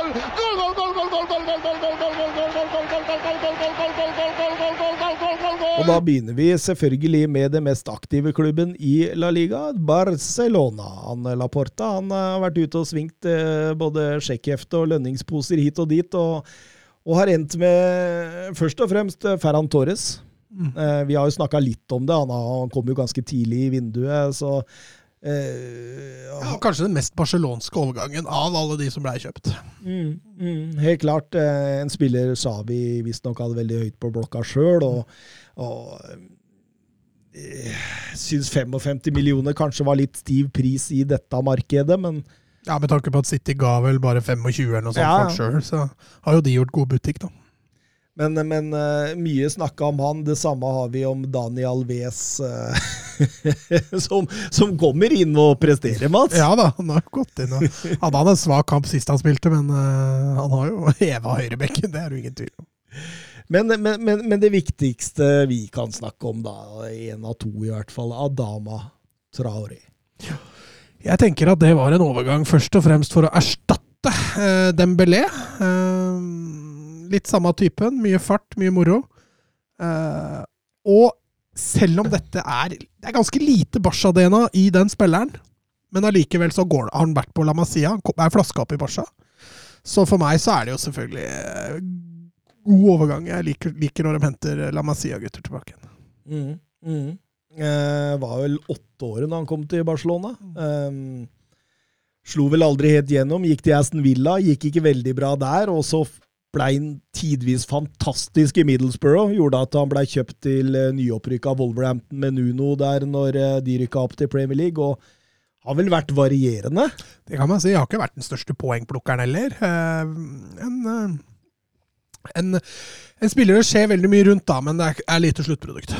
Jeg hadde veldig lyst inn i Tottenham. altså. Jeg hadde veldig lyst til å ha Jeg tror ikke han blir noen wingback i Barca, i hvert fall. Det tror jeg ikke. Det tror jeg ikke. Det er ikke sikkert han har blitt det i Tottenham, vel, med tanke på hva de har henta som Men, men uh, altså Oppsiden her er så ekstremt stor, da. Ja, så syns jeg en avtale der med et lån nå i første omgang, også en eh, Men jeg syns overgangssummen var veldig stiv, da. Eh, Hvis de ender opp med å betale 35 for han til sommeren, så har de jo har de igjen gjort et ganske svakt kjøp. Ja, det, det, det føles som at Barcelona ikke lærer på det der. Nei, altså, det virker som de bare betaler det Ja. klubbene ber om. Ja. Det er ikke, de er ikke inne og forhandler i det hele tatt. Virker nesten litt sånn.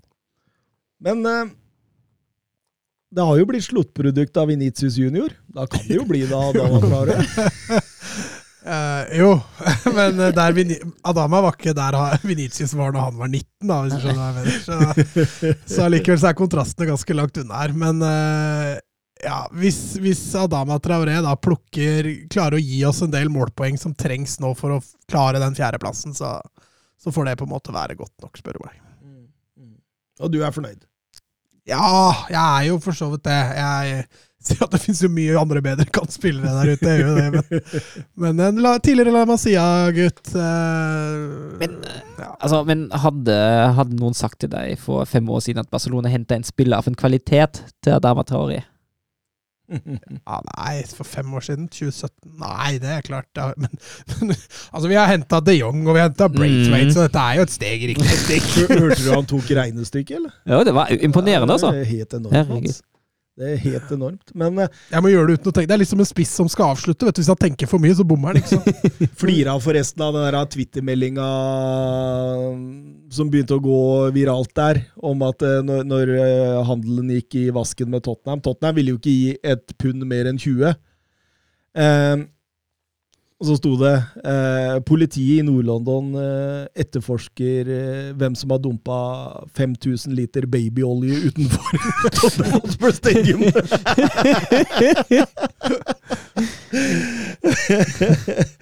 Eh, Men så, da. En enda mer kontroversiell enn, spør du meg. eh, Pierre Emerick Aubameyang opptok eh, Barcelona hele kvelden i går.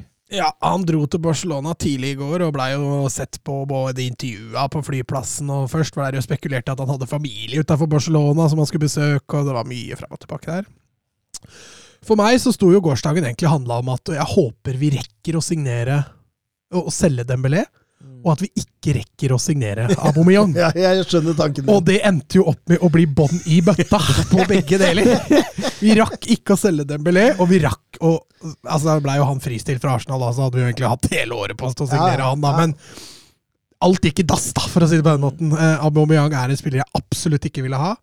Eh, han skal nok erstatte Aguero, hvis, jeg kan, hvis vi skal sammenligne det med noe. Men dette er en spiller som har vist i Arsenal at eh, han er ferdig. Ja. Eh, Det er klart han kan tyne altså han har jo et potens- altså Det ligger jo et grunnlag der, men han kan sikkert tyne et par år. Men dette er ikke noe framtid, altså. Nei, det, det er ikke framtidskjøp. Eh, eh, hadde en voldsom lønn i Arsenal, har redusert den betraktelig, da, Mm. vel å bemerke, i Barcelona. Og, og sånn sett, gratis Aubameyang, eh, lønn lav. Eh, en Aubameyang som kanskje vil bevise noe. Mm. Eh, komme til Barcelona. Han har et holdningsproblem. Altså han kommer jo til å sitte og game med Dembélé.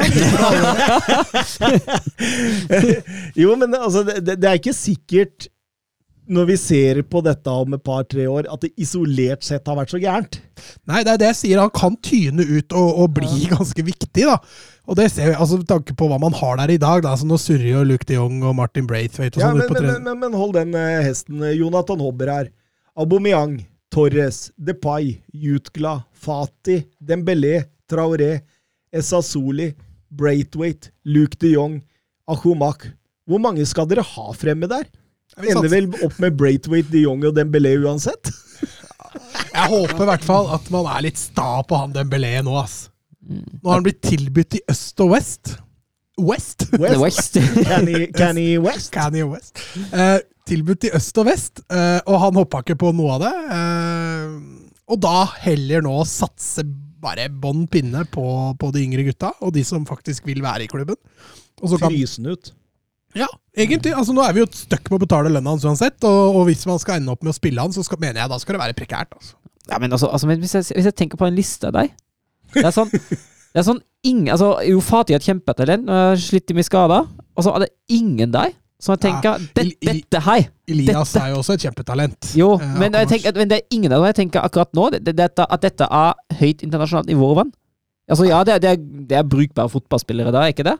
Men uh, Nei, det Barcelona er nå, de er et brukbart lag. Det er ikke MSN. Nei, nå er det Nå er det. ATD i For hvem, hvem, hvem kommer til å spille her, da? Aubameyang uh, spiller, og så tipper jeg uh, det tenker Torres spiller. Torres er nok grei. Uh, og venstre kant, hvem er det de kan dytte inn der? Sasoli, Sassoli, Fati. Når han selvfølgelig er frisk, så vil jo han spille, men det ja, Nei, det er ikke godt å si. Så det du, det, det du er, sier nå, er at Depay kan ende opp med å bli fasa litt ut? Altså, Han har jo bare ett og et halvt år igjen av kontrakta si, og han signerte jo ganske kort kontrakt. Eh, så at det, men han har jo ikke levert heller. Nei, Du ser de første tre-fire kampene, han, da så det ut som dette kan bli bra. og Så har han jo bare forsvunnet mer og mer når han har vært skada litt òg, da. Men eh, jeg syns han har vært en skuffelse. De Jong selvfølgelig har vært en skuffelse til han å være også, faktisk. Uh, og Braithwaite har jeg allerede ment mine meninger om, så uh, Ja. Nei, altså det er masse der som må skje. Monshi har handla, han òg. Selvfølgelig har han det når et vindu er åpent. Eh, Han er leid.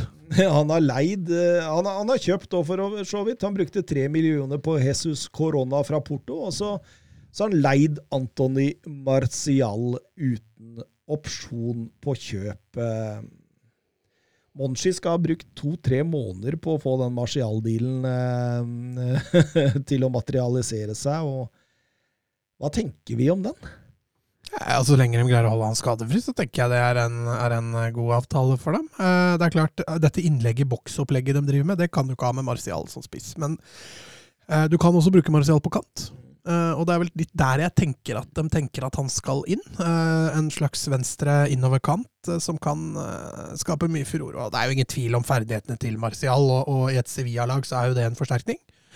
Eh, så jeg er veldig spent. Jeg tror det kan være gull verdt. Lamela har jo knapt nok sett på fotballbane siden han kom til Sevilla. og Jeg, jeg føler vi fikk rett om Lamela når vi sa dette kommer til å gå bra hvis han har klarer å bli kvitt skadene. Og, og når Lamela har spilt, så har han jo vært veldig god. Men skadene har tatt overhånd. Men den treeren framme der nå med Marcial, Ocampos og Enesiri, da, eller Rafa Amir, men Enesiri tenker jeg i en toppform i hvert fall. Det er en sterk treer. Det er bedre enn Barcelona-treeren. Ja,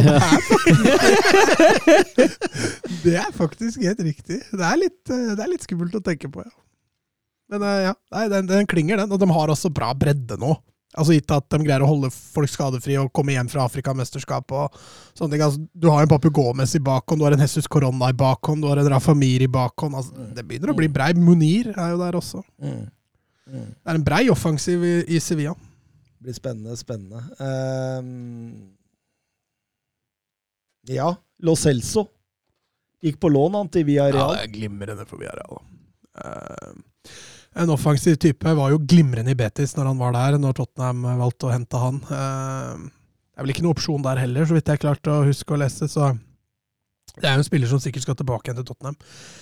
Men uh, et Via- Villarreal-lag som nå er på skuddhold av denne Champions League-plassen i La Liga, eh, og en Lo Celso der som går inn, og er jo ganske fleksibel. Han kan spille dyp, han kan spille off, han kan spille kant. så en, en, eh, en veldig god signering for, for Unai Emery og Villarreal. Var virkelig ønska Emery. Det var liksom Emery hadde gått til styret og sagt jeg skal ha én spiller, jeg. Gianni Lo Celso. Orden han. Da var Lo Celso på vei til Lyon, egentlig, for en avtale der. En låneavtale. Eh, hijacker han. Setter han på flyet til eh, Spania. Signerer ut sesongen. og vært mye skadeplaga i Spurs, får Norden på dette nå, og sånt, så, så kanskje det er en oppside for Tottenham der òg. Ja, altså, jeg er litt, alltid litt sånn skeptisk til låneavtaler uten opsjon, i hvert fall av den størrelsen der, da. Eh, det er klart Viareal har vel ikke flust av millioner i banken, men eh, det kan jo bli en kjempeskuffelse for Viareal hvis han blomstrer opp nå, og så forsvinner han igjen til Tottenham til sommeren. Ikke hvis han skaffer seg League. Nei, da er det jo altså vært det sånn sett, ja, men, men da vil du jo gjerne ha han permanent, da, hvis Ja, han er, en, er en, eh, en viktig spiller, da. Og det, det, det er klart. Det, det, det, blir litt Westham med Lingard, da. Altså, du sitter der og, og på en måte revitaliserer hele karrieren hans og gjør den igjen til det han faktisk var en periode der, og så, og så sitter du igjen der, og så har klubben til og med høyna prisen med togangeren for at du skal få den. Liksom. Det er, det, jeg- den er kjip. Og nå igjen har United nekta Lingard. Det er, det hadde jeg vært Ling, Jesse Lingard, jeg vært fly forbanna på Manchester United. Fly forbanna. Eh, men Lo Celso kan bli eh, strålende mm, Han godeste Diego Sivione han har henta noe, men smått. Ja, Daniel Wass kom jo til syvende og sist da, som en kald erstatter for Kieran Trippier. Simeone har jo uttalt at han er uh, veldig fan av Daniel Wass. Ikke overrasket, for Daniel Wass er jo en uh, Diego Simione-spiller. Han er traust. Ja. Mangler jo kanskje litt farta, da. Eller har ikke Trippier vært spesielt rask heller, men, men jeg tror kanskje Wass er enda treigere enn en Trippier.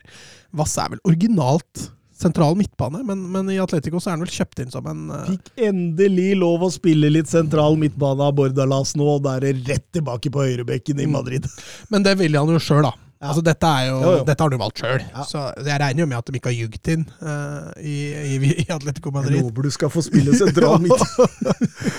Og så er det bare rett ned på bekken. Så nei, det var nok, eh, var nok, var nok en grei overgang, det, for, for uh, både Atletico og for Daniel Wass. Skaffa seg noe på andre sida på bekken nå, Søren. ja Reinaldo Mondava. Mosambiksk. Eh, kommer fra, fra, Sier man det? Mosambiksk? Ja, han er fra Mosam jeg tror han er mosambiksk. Jeg vet, jeg vet ikke. Mosambikker? Jeg vet ikke. Ja, han Mosambi Mosambikansk? Nei, han han han Mosambikansk? ja, jeg vet ikke. Han er fra, Mosambik. er i hvert fall. Så. Ja. Men, Rein, eh, Reinildo? Det var et veldig brasiliansk navn, i hvert fall. ja, men uh, Var ikke Mosambik portugisisk koloni? Jeg tror det. Kanskje. Jeg tror, jeg tror, jeg du tror, veit bedre enn meg og Mats. Henta fra Lill, i hvert fall. ja, jeg tror, jeg tror Sebio kanskje er født i, i Mosambik. Mm. Men uh, ja, Uh, og det er jo også en sånn ty, altså litt sånn Simione over en sånn defensiv, uh, defensiv back. Og det virker jo litt sånn, med tanke på de to bekkene jeg henta inn nå, uh, at det er faktisk fire vekstlinjer som nå virkelig er framtida. For dette har ikke vingbekker, verken Vass eller, eller I hvert fall ikke Reinildo. Nei. Altså, det jeg så av Reinildo uh, i Lill, så er jo det en, eh, en eh, bekk totalt blotta for målpoeng. En, en bekk som eh, er både sterk, rask, veldig god defensivt én mot én. Og skandaleoffensivt. Veldig kantete teknisk. Veldig Kan han bli brukt som en trio tre, tredjestopper? da? Ja, det tror jeg fort han kunne ha blitt, ja. Ja. Så, og for Carasco sine beste kamper i år har jo vært wingback. Mm. Så, og jeg er enig med deg, Daniel Wass er jo ikke noe utprega wingback. Han er ikke, har ikke innlegga til Chipper, han, for å si det sånn. nei. Så det, så det blir veldig spennende å se om, om denne Reinildo altså, eh, eh, altså, Det var en sånn late bloomer. Han, han ble jo aldri det helt store før han var 24-25 år. Eh, Daniel Wass? Nei, Reinildo. Oh, ja. okay. Hva, han var Wass var vel i Han var vel i Fredrikstad. Gikk ikke bra, det heller. men, men det er liksom eh, Ja, altså, en Simione-forsvarer. Altså, ikke veldig god offensivt, men du kan stole på en defensivt, da. Kan- Kan man si det sånn? Ja, og så har han jo rullert veldig det defensive nå, da. Mario Hermoso, Filipe, Felipe, Jimenez, Savic. Altså slitt med skader, mye rulleringer. Kontogby har vært nede og hospitert på stopperen.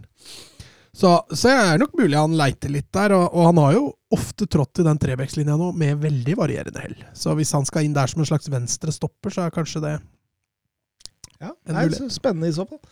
Um, Elias Moriba, eh, låneavtale til eh, Valencia. Ja, eh, det var Det fungerte ikke som det skulle i Leipzig i det hele tatt fram. Det er litt Altså, synd å si det, men inni meg så gosser jeg meg. litt. ja, fordi, altså, det, det, det som er greia med, med det der, at Leipzig eh, mente å ha avdekket alvorlige holdningsproblemer eh, hos Moriba. Eh, og da var det ganske tydelig at dette her går ingen vei som det er nå. Og da, og da gikk han altså, de gikk for penga. Fikk signert det for Leipzig. De Mm. ga åpenbart mer enn det Barca var villig til å gi. Ja. Og så viser det seg at nei, er ikke noe framtid her. Ja. Men du har jo et agentselskap her også som får Ja, så, så huden uh, flagrer. De har jo åpenbart råda han Mm. til å forlate uh, Barcelona for, uh, for Leipzig. Og Men, men de holdnings, holdningsproblemene han, han viser i klubben som spiller, det er jo ene og alene han som jo, skal lastes for. jo, for. så vidt, men eh, det har ikke vært sånne rapporter i Barcelona. Barcelona så det Nei, kan jo for de var jo veldig gira på bollen. Ja, ja. Så det kan godt. Og, og, og dette agentselskapet Rogon Nå skal du høre, Søren. Det er de som overtalte Max Maier å dra til Costa i sin tid også. Selvfølgelig. Ja, For det, det var, Ja, for det har vi snakka om her også. Ja. Og det var, det var jo, altså Max Maier var jo også en spiller som mente at han var mye bedre enn det han egentlig var.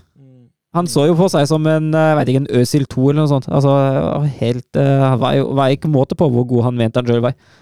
Nei, absolutt. Men, han- men, men han hadde jo en bra siste sesong i Schalke der før han dro til Crystal Palace. Ja, ja, og da, han, var jo, han var jo god. Og, og, og var jo sett på som en sånn ung type. Ja, ja. Altså, og så gikk det bare altså, Ja, dette er på en måte litt sånn baksiden på et agentselskap. ja, ja, Som, som tenker Ja. først og fremst penger framfor eh, Mm. utvikling. Og, og her mener jeg Moriba har fått en ordentlig Han har tydeligvis slitt litt med kulturskifte. Eh, miljøskiftet i Tyskland har ikke passa han i det hele tatt, og har da kanskje utvikla litt holdningsproblemer. Og. Så for hans del så er det greit å komme seg tilbake igjen til Spania. Jeg tror det kan være lettere å kickstarte karrieren. Eh, han er en fysisk robust spiller, så sånn sett passer han jo bra inn i Valencia, men eh, Nei, han skulle blitt i Barca. Litt morsomt at eh, Max Maier flytta også på seg i dette vinduet. Jeg dro han ikke til Midt- Midtjylland i Danmark? Eller var, var det ikke det? Var det ikke det? Stemmer, Søren. Du er, du er oppegående. Eh, Brian Gill, eller Gill, gikk også til Valencia. Eh, de har leid inn noen gutter, Valencia faktisk. Bordalas, som er vel ikke verdenskjent for å, for å fostre fram store talenter. Men uh, i Valencia så har han ikke noe valg, for der er ikke penger til å kjøpe spillere. Og Valencia har jo en gyllen generasjon, som vi snakka litt om i forrige podkast. Å pynte på det med Moriba og, og Brian Gill, det, det Jeg gleder meg litt til å se Valencia. litt, det er litt sexy, det laget der, altså. Eh, Det er synd å ha Bordalas som trener. Men, eh, men ja, han har jo i hvert fall vist seg villig da, til å bruke gutta, unggutta. Du så, jeg husker han bytta inn Mosquera når de leda med ett Ja. mål mot Atletico. Det snudde jo på flisa, det. Ja, de gjorde jo det, men det, det, det er tøft gjort. Ja, Det var litt det jeg skulle fram til. da Så kanskje han også revitaliserer seg litt grann, da, i Valencia med at eh, du må bruke unggutta, for det, sånn er det bare. Og Tøft gjort å leie Moriba og, og Brian Gill, for de, de jager jo Europa. Mm. Og dette er jo Altså, eh, dette er en vinn-vinn-vinn. Eh, For Tottenham, som åpenbart er veldig fornøyd med Hill, det er sånn de har vært så langt, men ser også det at det, det er vanskelig å bryte inn i denne elveren dette året. Sende eh, et halvt år på lån, få litt masse spilletid. Valencia, som åpenbart kunne trenge en venstrekant innover innoverkant. Ja, I hvert fall så lenge de bruker Geders Ja, ja. eh, som spiss. Ja, ikke sant? I det 4-4-2-systemet til Bordalas. Og, og jeg, jeg, jeg tenker jo også at det er eh, vind til Gill som får lov å spille litt fotball. Så det, jeg, jeg tror dette er en Kommer han tilbake til London i sommer og Mm. har noen kamper eh, i beina. Eh, litt om Getafe òg, eller som henta både Gonzalo Villar og Borja Majoral. Ja, de eh, leide veldig mye i, i, eh, i, Ja, Oscar. Rodriguez òg, ja. Mm. Stemmer det. Eh, Så vi, Getafe var veldig på'n, og dem er kanskje litt sånn Newcastle light. da. Kjemper jo med ryggen mot veggen i, i, i La Liga, og uh, har jo da henta mye spillere som de trenger. Uh, Kiki Sanchez Flores har jo fått litt orden på det etter at han, uh, etter at han tok over, men ingen tvil om Gos eh, Oscar Rodriguez, Gonzalo Villar er kjempespennende. Majoral har jo prestert i eh, i, eh, i La Har Liga han før. vært i Wolfsburg? Ja, han var på lån fra Real Madrid i et år. Han endte vel opp med to skåringer i Bundesliga og var ikke en, eh, var ikke en spiller som Liksom aldri fått måla sine. Han, eh, Nei. Majoral har alltid slitt med mål. Og så har han blitt, alltid blitt sett på som en god spiss. da. ja, ja. Men jeg husker også litt sånn Sandro Ramires, som var i Barca. liksom Blitt flytta litt rundt. Everton ble kjempeflopp, og så har de jo surra rundt i Valladolid. Det slo ikke så- Altså, han, er liksom, han er litt der, da. Ja, ja, helt klart. Helt klart ehm, Men de har forsterka seg, og nå jeg tror ikke det er mye tvil om at de overlever i år. Nei. Litt samme som Newcastle, at det, de, de har leid seg, leid seg til suksess i det omgangsvinduet her. Vi går over til Bundesliga. Er macht ein richtig gutes Spiel. Jan Schimonek. Die Wolfsburger lassen so gut wie nichts zu. Grafit. Grafit gegen Lell. Jetzt wird's eine Demütigung. Guckt euch das an. Bist du verrückt? Bist du verrückt? Tor des Jahres. Die Bayern der Lächerlichkeit preisgegeben. Ja, søren. eh, Ricardo Pepi-overgangen til Augsburg har vi jo snakka Den- mye om fra før av. Den har vi jo nevnt, ja. Det er jo Jeg tror det er den dyreste dette overgangsvinduet. Mm, ja, i, i Bundesliga. Ja. Jeg sa i et intervju, så jeg nå, at han eh, elska å sitte på fritida og se på videoer av Robert Lewandowski og Erling Braut Haaland. Ja, det er ikke de dummeste du kan se på se videoer av når du er er en uh, young and upcoming spiss, altså. Det tror jeg han lærer mye av å se på. Mm. Så han har fått to starter allerede og ett innhopp, eh, ingen mål. Det ble tatt av tidlig 5-1-tapet mot Leverkusen. Ja, da var det lite som fungerte. Men uh, tydelig at Augsburg, uh, Augsburg har lyst til å satse på han. Uh, får mye spilletid, og det er jo, det er jo gøy og, og bra for en uh, ung spiller å få. Men klubben som har Altså, det skjer jo ikke så mye i vintervinduet i Tyskland, men klubben som har vist seg å, å, å handle mest, eh, er jo ditt kjære Wolfsburg, Søren. Ja, det er helt klart. Det er både Kevin Paredes, eh, Jonas Wind og Max Krose innen dette vinduet har. Til eh, ikke lite penger heller. Var Wolfsburg som brukte mest penger samla sett i dette Ja, vinduet? vi, vi- vi, vi kan begynne med det mest spennende. Eh, sånn jeg ser det, Jonas Wind fra, fra København. Ja, og det er en, det er en klar reaksjon eh, på at uh, Verhorst er solgt til, um, til Burnley. Jeg syns uh, Wind er en spiller som har litt flere fasetter eh, enn Vord Verhorst. Ja, han er 1,90 her nå, han er en sterk fysisk spiss han òg. Det er litt morsomt at eh, eh, Wood dro Vegårst erstatte Wood, Vind erstatte Mm. Vegårst. Altså den, altså den eh, kolossen, litt sånn litt statiske, men Mm. supersterke spissen kommer inn og liksom Ja, men jeg syns jo Vind er, er fortsatt har jo litt kvaliteter uh, som Verhost ikke helt har. Så han er en dårligere avslutt enn Verhost, det er han definitivt. Men uh, teknisk uh, og i frispillingsfasen og, og feilvendt eh, er Vind, ut ifra det jeg har sett, eh, en bedre spiller enn Vord Verhorst. Så at han, eh, at han bidrar mer til lagspillet enn Verhorst har gjort, det tror jeg absolutt.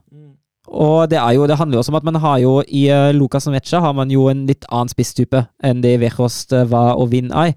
Eh, så det handler jo også litt om å få litt flere typer offensive spillere i, eh, i laget, ikke nødvendigvis at man utretter seg bare etter en stor, sterk spiss. Og, og Wolfsburg fortsetter å handle ungt, for så vidt, da, med Kevin Paredes. Eh, Hva vet du om han? Nei, det er et, eh, et stort talent i USA. eh, 18 år, eh, 2003-modell. eh, Kommer fra DC United, og han kan brukes på samtlige posisjoner på venstrekant. Men er vel mest en ving. Det er da han er best, men han kan også spille eh, spille back, og det er jo en spiller som er først og fremst henta for, for framtida. Uh, Brukte jo litt cash på han òg. ja, 8 millioner euro, hvis jeg ikke tar feil. Uh, men eh, det er vel eh, Man har vel åpenbart, med tanke på PP, jo, da var man jo vært lenge, man har jo åpenbart speida litt på det amerikanske markedet eh, og funnet eh, litt spillere der. Og dette er jo veldig spennende. Jeg tror ikke han hjelper oss med det første, og med tanke på nedrykksstriden og hvordan situasjonen er nå, tviler jeg på at han får minutter med det første heller. Uh, men jeg gleder meg til å se mer av den. Jeg har aldri sett den spille sjøl, men uh, ser ut som et lovende talent ut ifra det jeg har lest. Må vel innrømme, jeg også, at jeg ikke har sett noe eh, til han. Men jeg leste en interessant artikkel, og det var at han, han var helt sånn average spiller i, på, på, i DC Uniteds akademi som 15-16-åring. Og så har han tatt enorme steg de siste par eh, sesongene. Litt sånn, litt sånn altså Late bloomer er jo litt feil å si, men med tanke på, med tanke på talentstatusen, da, er han jo litt sånn late talentbloomer, hvis man kan si det. Mm, mm. Det er veldig spennende. En som ikke er late talent bloomer, det er vel Max Kruse. Han kom også. Ja, velkommen tilbake, da. Eh, det, det, altså, det er jo 33 år, 5 millioner euro. Han har jo vært eh, det offensive hjertet til, til Champions League-jagende Union Berlin. Um, at det er fotballkvalitet av deg, uh, det er det ikke noe tvil om. Uh, det er jo det er en, uh, på sitt beste en klassespiller. Det er tre ting som irriterer meg med den overgangen der. Uh, først er at han er 33 år. Um, men greit, man trenger kanskje litt erfaring, i den situasjonen man er i nå. Mye unge spillere der. Ja, det er akkurat det. Og verken Philip eller, eller Waldschmidt, som spiller jo litt i den posisjonen som Kruse kan spille i, uh, er, har vært gode i det hele tatt. Eh, så at man forsterker da, er jo på en måte naturlig. Uh, irriterer meg litt at uh, K-felt har blitt unnskyldt for de resultatene til tider med intern uro. Og så henter man inn en Max Krose som ikke akkurat er kjent uh, for å være jeg vil si sånn alltid 100 profesjonell, da. Uh, vi snakka spilleren som, uh, som liker å dra på skisjabba, spille pokerturneringer til langt utpå natta og Det er kanskje den beste. Ja, det har vi, det har vi gjort òg, det. Ja, det er jo med, gøy. Med en kasse Smirnov, holdt jeg på å si. Ja, da Vladimir Men så tjener man jo ikke millioner i en, i en proffklubb heller. Men det er jo, det er altså, altså, man var jo i Wolfsburg før. Han eh, var jo der i ett år. Uh, sportslig var det helt greit, men det er jo akkurat de grunnene som sørget for at han ikke blir lenger enn ett år i Wolfsburg heller, og at han, eh, at han forsvant ut forholdsvis fort igjen. Uh, og det som egentlig irriterer meg aller mest, at dette er jo en så tydelig Florian Kofeld-overgang. Uh, Krose var Kofelds kaptein eh, i Werder Bremen. Uh, Krose var den spilleren uh, som sørget for at uh, Kofeld hadde suksess den første tida i Werder Bremen. Da Krose dro til Fenerbahçe, da falt alt sammen uh, hos Kofeld. Jo, jo, men da er dette katalysatoren da, som gjør at K-felt uh, fikser dette. Nei, dette tror jeg ikke på. Men, Holder akkurat plassen sånn at han får starten av det. Ja, ja. uh, men det, det som irriterer meg, at man, altså, at man nå tydeligvis henter inn en spiller eh, for en trener som for lenge siden burde fått sparken. Det er et ekstremt dårlig tegn, eh, og det gjør meg veldig urolig hva som skjer videre etter Furt-kampen. Det er nesten sånn at jeg er rett for vind, for da har vi inn, eh, har vi inn uh, i klubben ut sesongen uansett av de andre resultatene. Men så er jeg jammen meg ikke sikker på om han, uh, fyk, om han fykes nå, selv om vi taper mot Greuter Fyrt. nå. Og du er ikke det, nei? Nei, vi, Han bør jo det, han bør jo ha vært ute for lenge siden, men med tanke på den overgangen nå, at han åpenbart fikk sin ønskespiller jeg, altså, jeg veit ikke. Det, det er Og så er jo Krose sjøl gått ut nå og sagt at uh, jeg fikk et såpass godt økonomisk tilbud at jeg nesten ikke kunne si nei til det. Så da blåser man jo åpenbart ekstremt mye penger til til Krose. Det har jo, har jo kommet en god del spillere som har tjent ganske mye. Uh, Verhost, uh, Gilavogi, Ginchek med Medi som nå er ute av klubben, så man har jo sikkert litt råd på, på lønnsbudsjettet, men likevel, da. Um, Hvor lang, men altså hvor lang kontrakt fikk han? uh, Ja vel uh, ett og et halvt år eller to og et halvt år. Uh, men altså, som sagt, at det er sportslig kvalitet der, og at det er en spiller som godt kan hjelpe sportslig. Definitivt. Ja, Neil Wood-overgangen Wood i Bundesliga? Ja, på en måte. Bare, bare at det er, en, er jo en helt, helt Ja, ja. motsatt spillertype. Men ja. Så det er altså sportslig, ja. Og hvis en, hvis en sørger for at vi berger plassen og glemmer denne, denne sesongen her etterpå, så er jo det greit nok, det. Fredheim har to spørsmål til han, eh, Søren. Er Mm. Vegårst årsaken til dårlig stemning i Wolfsburg? Han bidrar i hvert fall ganske sterkt, eh, og det er, det er det tre grunner til. Eller var det tre grunner til? Han eh, er veldig tydelig antivax. Uh, har vært inne på at uh, Barbo, som også nekter å vaksinere seg, har sørget for en del trøbbel for klubben. Nå hadde Verhost gjennomgått infeksjon, så han hadde fått den statusen at han hadde gjennomgått infeksjon uh, forholdsvis nylig. Uh, men den antivax-greia hans har vel slitt litt på, på nervene til, uh, til medspillerne. Eh, Så er han, han er jo veldig engasjert. Eh, og det i seg selv er en positiv ting, men eh, når ting ikke går bra, eh, blir dette fort veldig negativt, eh, også for motspillerne. For han er litt sånn klagete type eh, for medspillerne. Eh, det var en eh, situasjon fra en treningskamp da Verhost eh, ga en eller annen taktisk beskjed, eh, litt sint til spisskollega Daniel Ginczek. Og fra Ginczek smalt det tilbake og holdt en jævla kjeftende Hvem tror du egentlig du er? Og det er litt sånn, litt sånn den stemningen Verhost nå har hatt, eh, hatt i troppen litt, litt i det siste. Og så har det jo vært sånn at han har nådd Champions League med Wolfsburg. Han har alltid hatt den drømmen uh, om, å, om å spille i Premier League, og så har han nærmet seg 30, og han ville virkelig til Premier League. Og jeg, jeg tror han har vært litt ferdig i Wolfsburg også. Jeg tror han har vært litt sånn Det er der vi kommer, og særlig da vi røyket av Champions League. Det er sånn, ok, greit. Kan godt hende Luke de Jong er eh, ledig til sommeren. Åh, helst ikke. Jo, helst, helst er han ledig til sommeren. Ja, ja, altså, han kan fint være ledig til sommeren, men uh, trenger ikke ham i Bundesliga igjen. Men uh, et spørsmål til. Er Fornøyd med å erstatte Vegårs med Jonas Wind? egentlig. Eh, det, det forbeholdt deg er jo at han kommer fra en mindre liga og ikke kjenner Bundesliga så godt til, eh, og at man sårt trenger poeng og seier nå i den situasjonen man er i, og man har ikke råd til at han bruker lang tilpasningstid, særlig fordi Lukas Nemetsja fortsatt er skada. forhåpentligvis tilbake i februar. Uh, men han må nesten eh, levere ganske så med en gang. Eh, ikke at det er lett under kan vi, Skal vi kalle det for system? Offensivt system hos Kårfeldt. Eh, det som presteres da på banen, det er ikke lett for en spiss å levere i det. Men eh, han må nok fungere ganske snart, ellers eh, kan det bli tøft. Mm, mm. Gikk omtrent for samme summen som Botheim gikk til Russland for. Ville du tatt Vinn eller Botheim? Vinn. Ja, det ville jeg òg. Um, Marvin Friedrich. Ja, Union selger seg litt ut nå. Eh, Ja, eh, Hva gikk de Borussia München-Gladbach? Nei, det, det er vel den beste stopperen de har? Ja, det er, den, det er, en, det er en meget undervurdert stopper. Uh, vi har jo snakket litt om det nå. Uh, at dette, dette er et kupp som Gladbach har gjort, og det er jo erstatning til, eller erstatteren til Ginta hvis kontrakt går ut nå til sommeren. Og han har jo sagt at han Nei, blir det Ikke. Bayern på Ginter, eller? Blir det Bayern? kan jo fort bli det. Jeg er litt usikker. Altså, det er ikke bestemt ennå, men det ryktes jo, ryktes jo Bayern, særlig fordi Sule nå er ferdig i Bayern. Uh, Sule Sula? han bare får ikke Altså, han, han får ikke ny kontrakt. Eller de har blitt, ikke blitt enige om eh, kontraktsforlengelse. Uh, uvisst hvor han går. Uh, skal visstnok være noe Premier League-interesse der. Uh, Det er helt sikkert. Men uh, det det hadde jo vært en bra signering. Eh, men altså, det hadde jo passet fint som en Sula-erstatter inn i den Bayern-troppen, tenker jeg. Uh, ikke med tanke på den formen han har vært i nå det siste halve året, men uh, på sitt beste er jo Ginta en strålende fotballspiller. En Strålende kjøpt er seks millioner eller fem Mm. millioner euro. Det er jo småpenger, egentlig. Jeg- Ja, Han hadde ikke mye igjen av kontrakten. Nei, nei, det er nettopp det. Og så kommer det én spiller som jeg er veldig spent på. Eh, Sardar Asmon.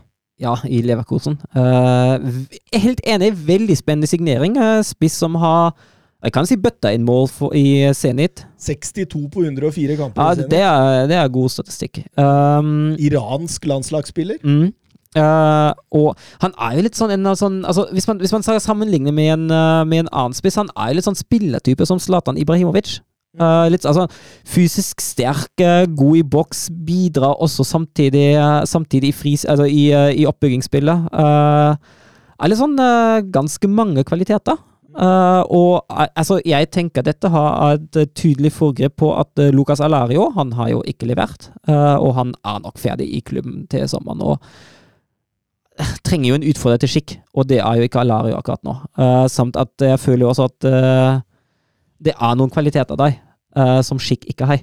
Skikk er jo først og fremst en, uh, en spiss i boksen og en god avslutter. Mm. Jeg, jeg, jeg synes dette her virker veldig spennende. Altså, han Kontrakta med Zenit gikk ut, det er derfor 4 millioner det er- det er euro. Hvis ikke, så, ja, for hvis ikke så hadde dette vært opp mot 20 millioner Ja. euro. Um, Leverkosen-direktør Simon Rolfe sa vel også at han gjør oss mye mer uforutsigbare og powerful, og det Det, det er jeg akkurat det. Ja. Det er jeg helt enig i. Uh, for Mishik vet man veldig godt hva som kommer. Uh, Asmon har, har flere, flere strenger å spille på. Og det skal også sies at han bøtta inn mål for Rubin Kazan Mm. før dette og har vært mye i Russland. Ja, jeg tror dette er en solid forsterkning for Bayer Leverkosen. Sjekka Transfermark nå. 25 millioner euro har han i value. Da er det greit å kjøpe den for fire, Mats. Ja, det syns jeg. Det er Stikk motsatt av Dan Burn. i hvert fall. ja, det. Og med de orda så kan vi gå til Serie A. Hvis ikke Søren har noen flere Jeg, jeg fant ikke noe særlig flere interessante Nei, det, var, altså det, er, det er jo litt, litt her og er der. Ja, det er litt sånn smått. Ansgar Knauf kan vi jo nevne så vidt har gått eh, på lån til, eh, til Eintracht Frankfurt. Jammer Knuff der, altså. Den er grei. Vi, vi kjører Serie A. era il marcatore di Cannavaro. Palla tagliata, messa fuori, c'è Pirlo, Pirlo, Pirlo, ancora Pirlo di tacco, tiro, gol! Grosso, grosso, gol! Gol di Grosso, gol! Og i Serie A fikk vi eh, vinduets eh, største overgang, og eh, vi fikk den eh, største på en måte snakkisen, kan du si. Altså, dette var stort. Eh, dette var veldig stort. Eh, Dusan, eller Dusan Vlaovic, han gikk Å, jeg trodde du mente Emil Bohin. Eller? Ja, du gjorde det. Han gikk til Juventus for 75 millioner euro pluss add-ons. Ja. Som jeg, som jeg nevnte så vidt i slutten av forrige episode. Det Veldig synd. Jeg syns, jeg syns det er så synd at han havna i Juventus. Men, men, men samtidig, dette er jo et statement, Mats. Dette er statement. Ja, og en, eh, en målskårer som de selvfølgelig har mangla. Eh, selv om kanskje vi har snakka litt om at eh, det er den kreative kraften de kanskje mangler mest. Så er det ingen tvil om at dette sender jo litt jordskjelv utover i Serie A om at uh, Det, Juventus det er hadde, ikke Inter som er De- størst, det er Juventus som er størst. de hadde en sparekonto Ja. de ikke hadde begynt å ta ennå. Mm, ja, ja, fordi eh, Jørgen B. Reddy Nystuen han spør jo er overrasket over at Dusan Vlavic valgte Juventus. Spørsmålstegn eh, så ikke for meg at de var i stand til å flekse slike muskler nå. Og da tenker jeg, da tenker vel Jørgen be ready mest på det økonomiske aspektet ved dette. fordi altså, Juventus er jo fortsatt den største klubben i Serie A, la oss være enige i det.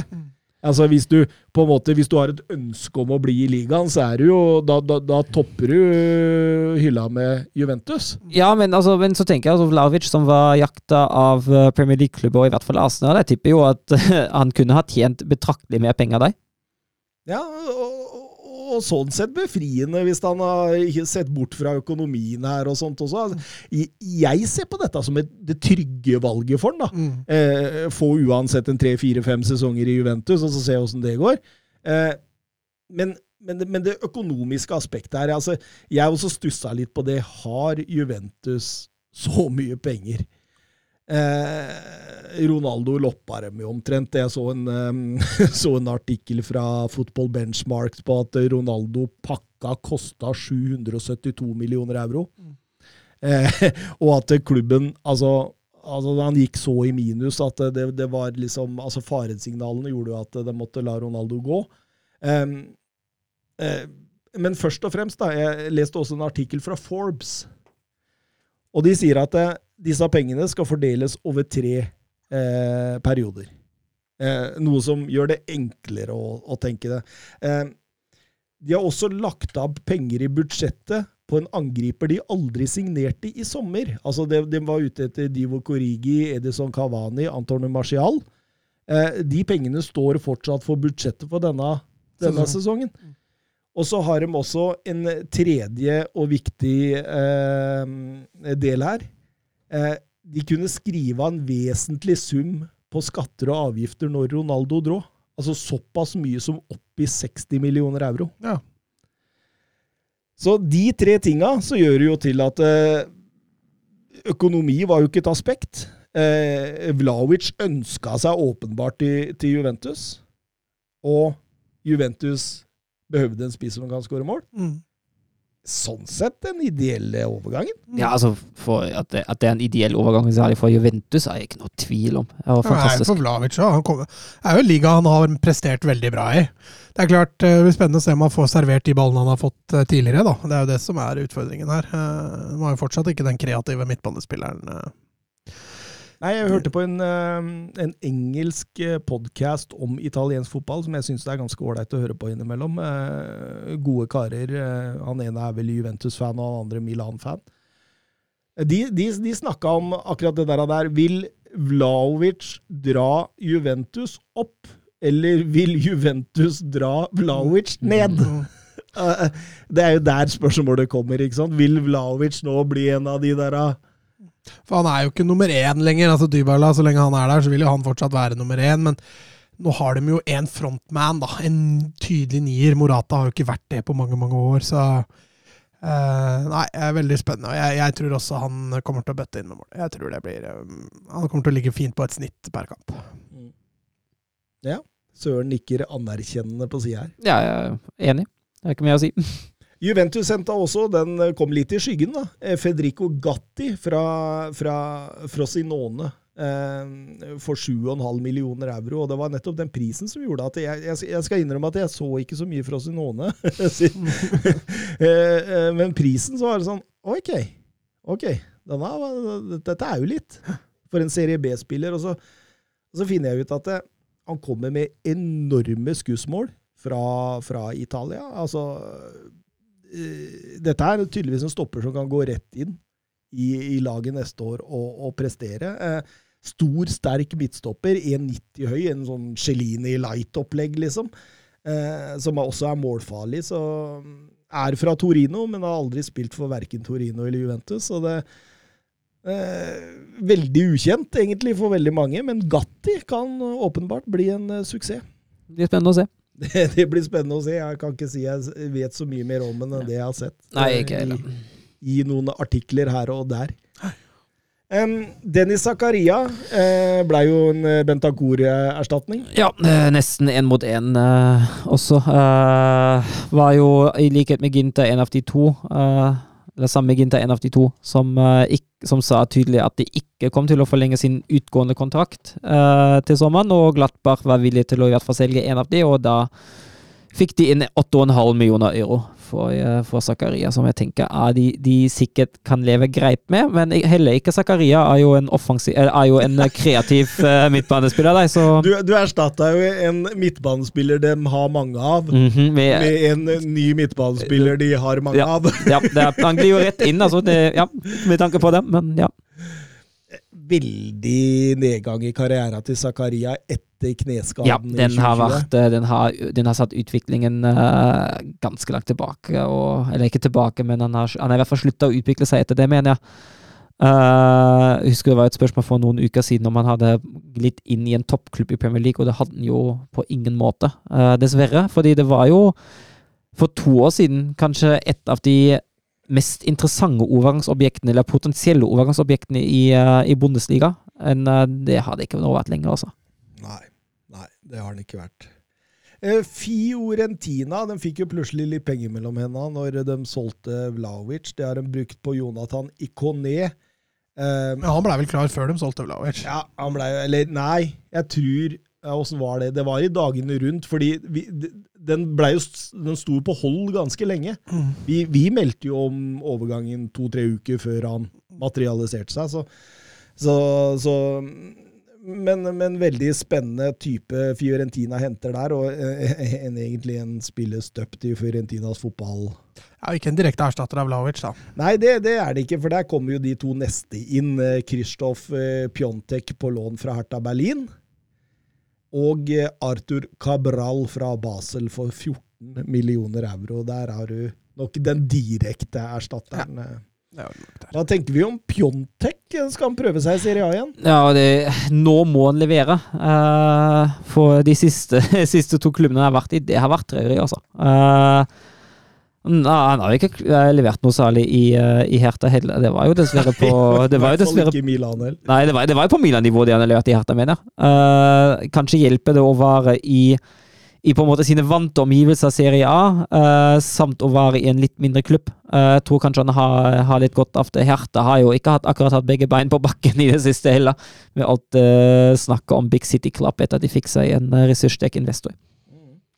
Arthur Cabral, eh, det er en spiller jeg gleder meg voldsomt til å se i eh, Fiorentina. Basel-spilleren som er eh, Palmeras produkt, er han ikke det?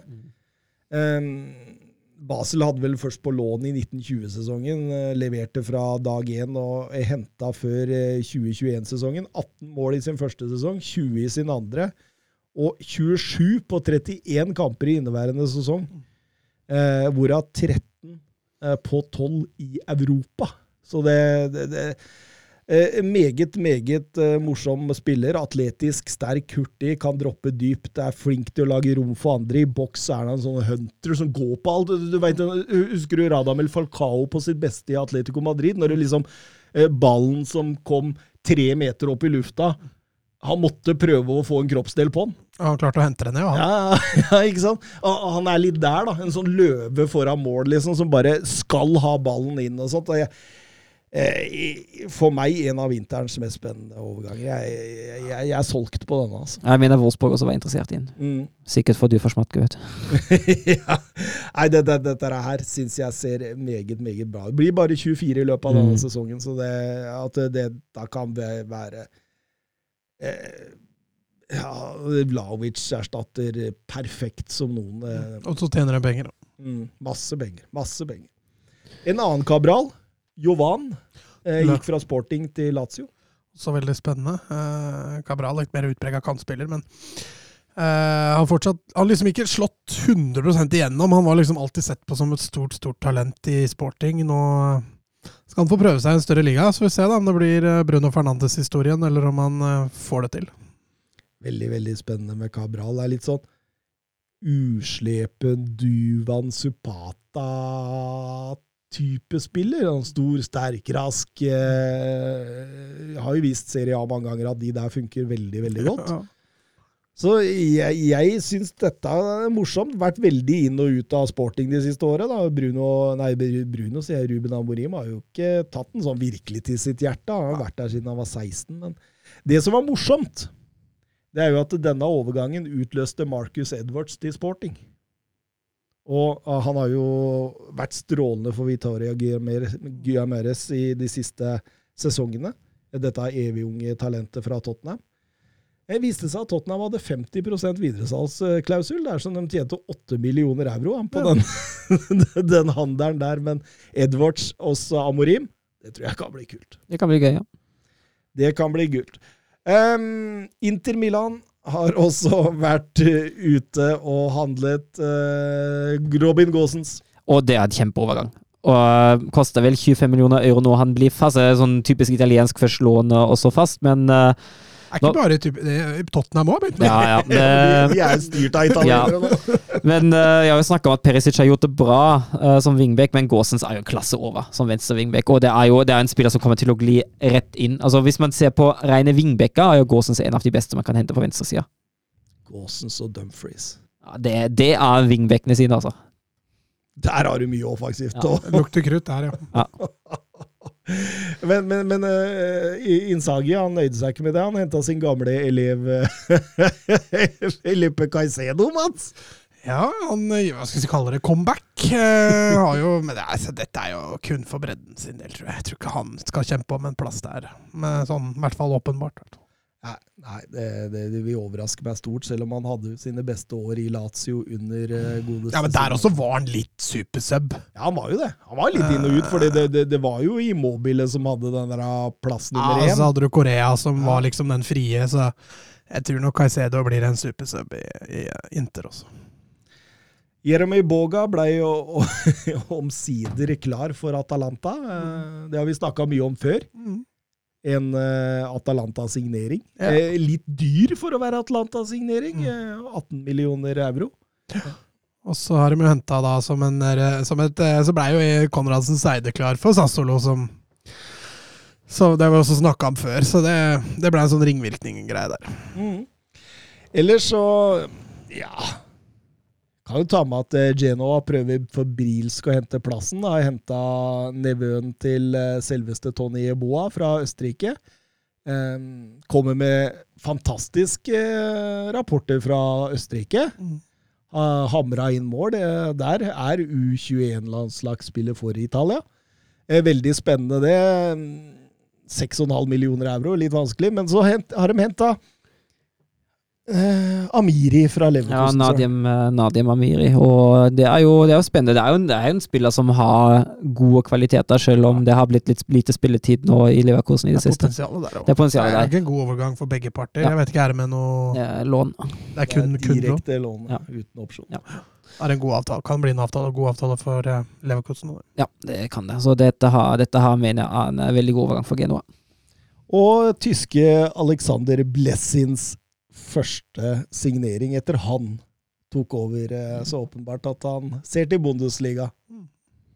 Det var vel ikke så overraskende, kanskje. Litt morsom forresten med Kelvin Jeboa. Eh, han har jo starta alle tre kampene han har eh, på en måte vært i Genoa nå, da. Eh, men for tre trenere Først så var det han starta for Sjevtsjenko. Og så var det caretaker Abdullah Konko. Og nå Alexander Blessin. det er det! Det Jeg lurer på hvor mange spillere som har opplevd det, og spilt sine tre første ligakamper for den nye klubben sin med tre forskjellige trenere. Det tror jeg ikke er særlig mange. Det tror jeg det går fort. Um, vi har vært så vidt inne om det. Roma har jo henta spillere på lån, noen med opsjon, andre ikke. Sergio Oliveira fra Porto har jo åpna strålende for, for Roma. Da har jo tatt den sentrale midtbanen der og gjort den til sin. Ja, Der ser det ut som det har vært en god avtale òg. Ja, helt klart. helt klart. Eh, teknisk gode, bra på å spille seg ut av press. Litt sånn smart. Har rutinen, da. Eh, veldig morsomt. Og så Maitland Niles, da, som litt spent på når Spinazzola For det virker som Mourinho vil bruke den på bekkene. Der har du Karstorp på den ene, og når Spinazzola nå er tilbake, hvor skal han bruke den? Eh, Han kasta het som midtbanespiller i Arsenal etter hvert. Mm. blir spennende. Eh, ellers kan vi nevne at Nani gikk til, Kan nevne Nani, Ja. Vi, er unge Nani, ja.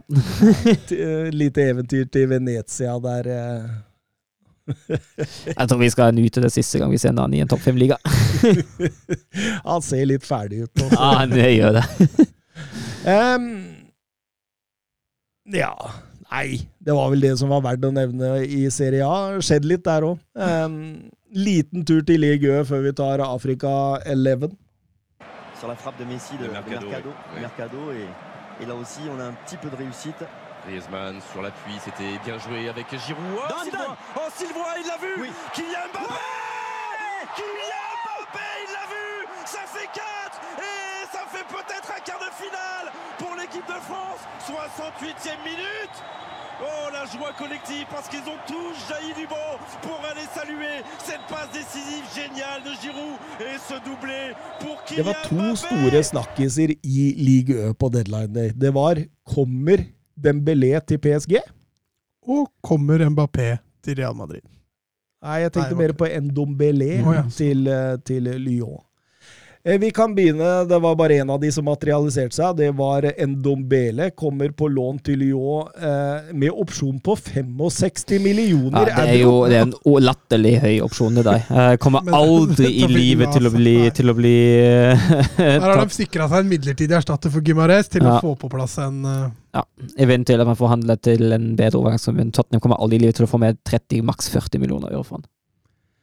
Altså, det, det, det Hvor mye kjøpte de han for? 60. 60. Og som, og som skal ha igjen, altså! De skal gå i null. Ja, men åpenbart har Alas vært enig, enig i dette, da. men, men, men la oss si nå Altså Tangi Ndombele. Altså, talentet er ubestridt. Men, men altså Han kom i 2019, og han har slitt både under Pochettino, under Mourinho, under, nå, eh, under Spirito Santo og under Conte. Eh, og det er jo ikke noe styrketegn i, i og for seg at du liksom på en måte Det er ikke én trener du har kommet deg gjennom på, men og har fått litt altså stempelet som giddalaus, blitt bua ut av det. Men, men, men talentet er så stort. Det er sky is the limit, liksom. Men hvor gammel er han nå? 24-25? Ja, det er, Vi snakker snart evig talent, altså. Nei, men ikke del, skjønner du, for den, den siste eh, sesongen han hadde i, i Lyon, da, da var han vel kanskje verdens beste fotballspiller, omtrent. Det var ikke snakker, snakker, da snakker vi one it one, da. ja, kanskje det er mer det, men, men, men samtidig, altså la, la oss si, da. Han presterer strålende igjen i Lyon. Uansett så vil jo det være vinn for Tottenham, Fordi da kan jo andre klubber komme inn. Og Ja, men tror du de får 60 for han? Aldri i 60, Men, nei! Men, men, altså, men det, det jeg ikke skjønner, er at det ikke- at det ikke er bedre å ha en realistisk uh, kjøpsklausul uh, istedenfor at uh, faren av ekstremt stor Dombelé dukker opp uh, i White Hart Lane uh, snart igjen, da. Jeg tenker jo at det må jo være inn... White Hart Lane. Ja, greit, da. N17 kan du kalle det. Ja, da. fair enough. Uh, men, uh, men uansett, altså, det må jo være i Tottenhams interesse også å bli kvitt den. Til en fornuftig sum. Ja, altså, for å si det sånn, så Alt er relativt i hodet på Levi. Ja, fy faen. Den Hvis jo ok. han får 65 for han i sommer, da bør Levi ut på gullsokkel. Ja, men han, han, gjør, han gjør jo ikke det. Nei, vær så Barcelona, da. De kan finne på å gjøre noe. Hei, la porta. Vi har noen millioner å svi av på en middelmodig fotballspiller. Men han var jo lenge på vei til PSG, Ja da. Uh, så vi får se. Vi får se. Em, ja. Dembélé. Dembélé han gikk jo ikke, så han bør vi ikke ta. Men vi, vi kan jo ta den nest mest spennende overgangen i Frankrike. Det var jo Roman Favre. Gikk fra Brest til Lyon for, eh, for 15 millioner euro. Der eh, har jo utvikla seg til å bli en særdeles god fotballspiller nå. Altså det, det, dette er, det, det er topp, topp internasjonalt snitt. Dette er fransk landslagsfotballsnitt. Han er 23 år. Og er vel en slags nymoten sånn eh, Ben Arfa-type spiller. Um, Tiarari fikk vel en oppgave å nevne tre spillere i fransk fotball som var det neste store. Han nevnte Sofiane Diop i, og Badiachil i eh, Monaco. Monaco. Og Roman Favre. Eh, prisen er usannsynlig lav. Den burde, altså, Hadde den gått til Newcastle, så hadde den kosta 40. Så det er meget bra. og Jeg syns Lyon har gjort det ganske skarpt på markedet her. Altså, jeg må innrømme det.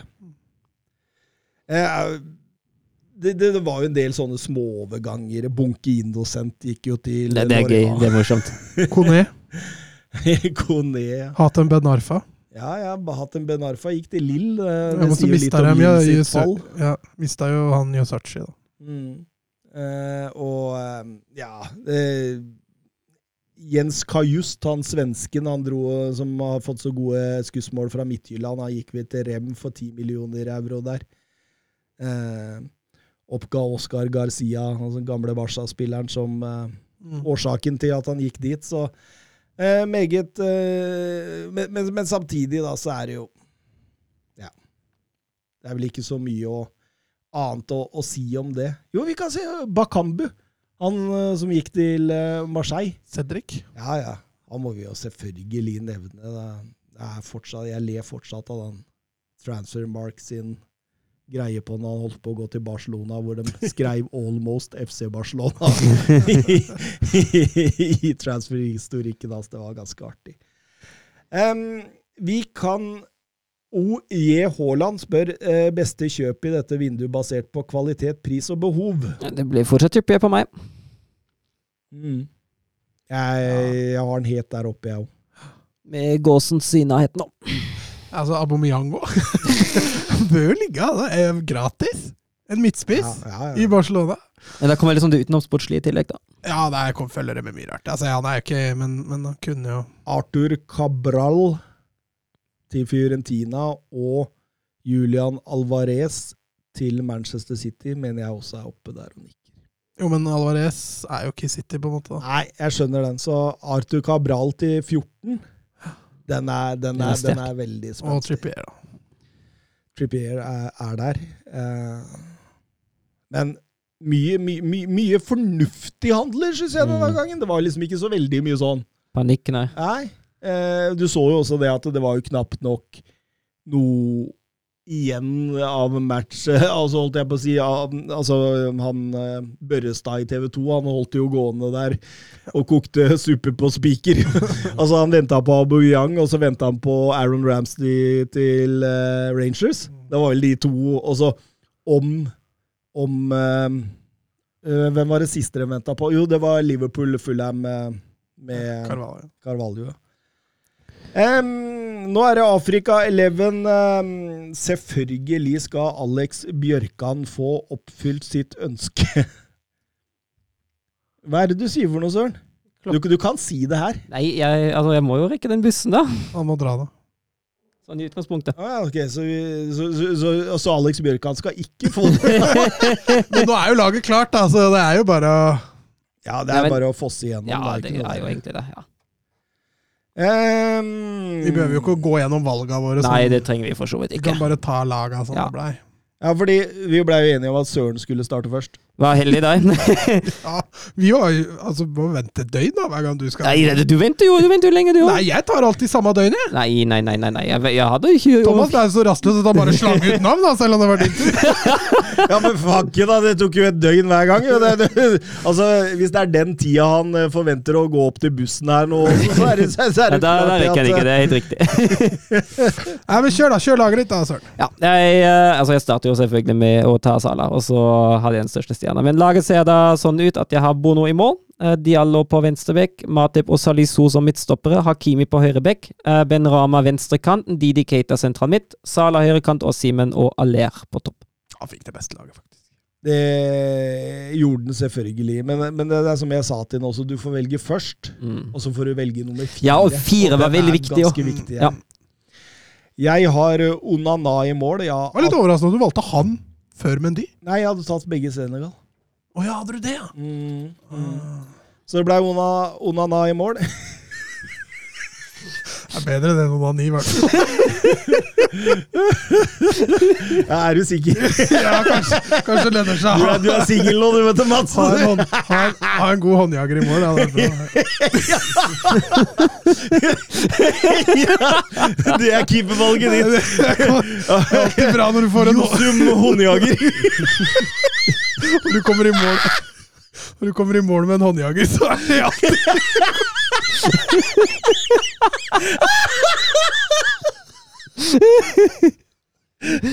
Når du kommer i mål. Jeg lurer på om noen har gjort det før. Kommet i mål. Om du kommer ofte i mål med håndjagerne. Du, Ja, du hopper ikke av i sving. Du hopper ikke av i mål. Ja, sorry. Jeg regner med du ikke hopper av i svingen. Der er rå! Nei, tar ikke sjansen.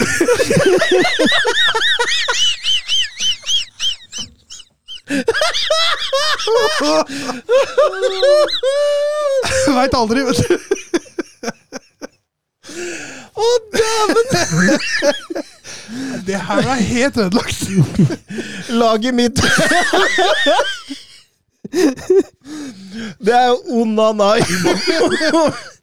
Det er eh, Atal, Hegazi, Kolobali og Benzebaini i fireren bak. Det er Chukwueze på høyre kant, eh, Sadio Mané på venstre, med Bizuma og Thomas Partey på sentral midt, med eh, Wilfred Sa og Ienacho på topp. Det er ganske bra lag, det òg. Ja, Ja da, da, Jeg fikk det kjipeste laget. Men jeg fikk Mendy i mål, da. Ja, det gjorde. Eh, gjorde jeg. Og så ble det jo da uh, Høyrebekk uh, Sarr.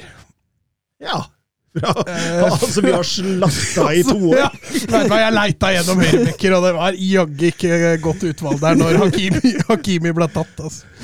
Så, så den var litt kjip. Jeg satte Roman Saiz og, og Erik Bailly på stopperen. Fikk litt Premier League, eh, fikk Ja. litt Premier League inn der. Eh, og så har jeg ikke valgt venstreback, for det, dere sendte ut laga deres før jeg fikk tatt venstrebekken. Ja, men du kunne jo sendt ut venstrebekken etterpå. Ja, jeg det, kunne det. Men det ble Ola Aina, i hvert fall. Ja, ja. Fra Nigeria, som fikk eh, venstrebekken. Eh, på midten så ble det Mares på høyrekant. Det ble jo det naturlige tredjevalget mitt. Eh, og så kjørte jeg da Jordan Ayø på venstre kant. Og så ble det Benazer og, og Frank Kessi eh, på midten. På topp så ble det Afrikamesterskapets toppskårer. Du måtte jo ha med han, Abu Bakar. Jeg fikk Abu Bakar. Selv om han spiller vel i Arabia eller et eller annet nå. Ja, Eh, men han var jo rå i Porto i sin tid. Ja, det var det. Han er toppskåreren. Han og Ekambi er jo de som har skåret alle måla til Kamerun i Afrikamesterskapet. Og han blei Arthur da, så fikk jeg lurt inn en Barca-spiller uten at jeg visste det, I i Aubameyang. Selvfølgelig. Det, det der, det, han var forut for sin tid, han. Ja, veldig bra. Vi eh, sier eh, ha det bra og høres igjen neste tirsdag. Ha det.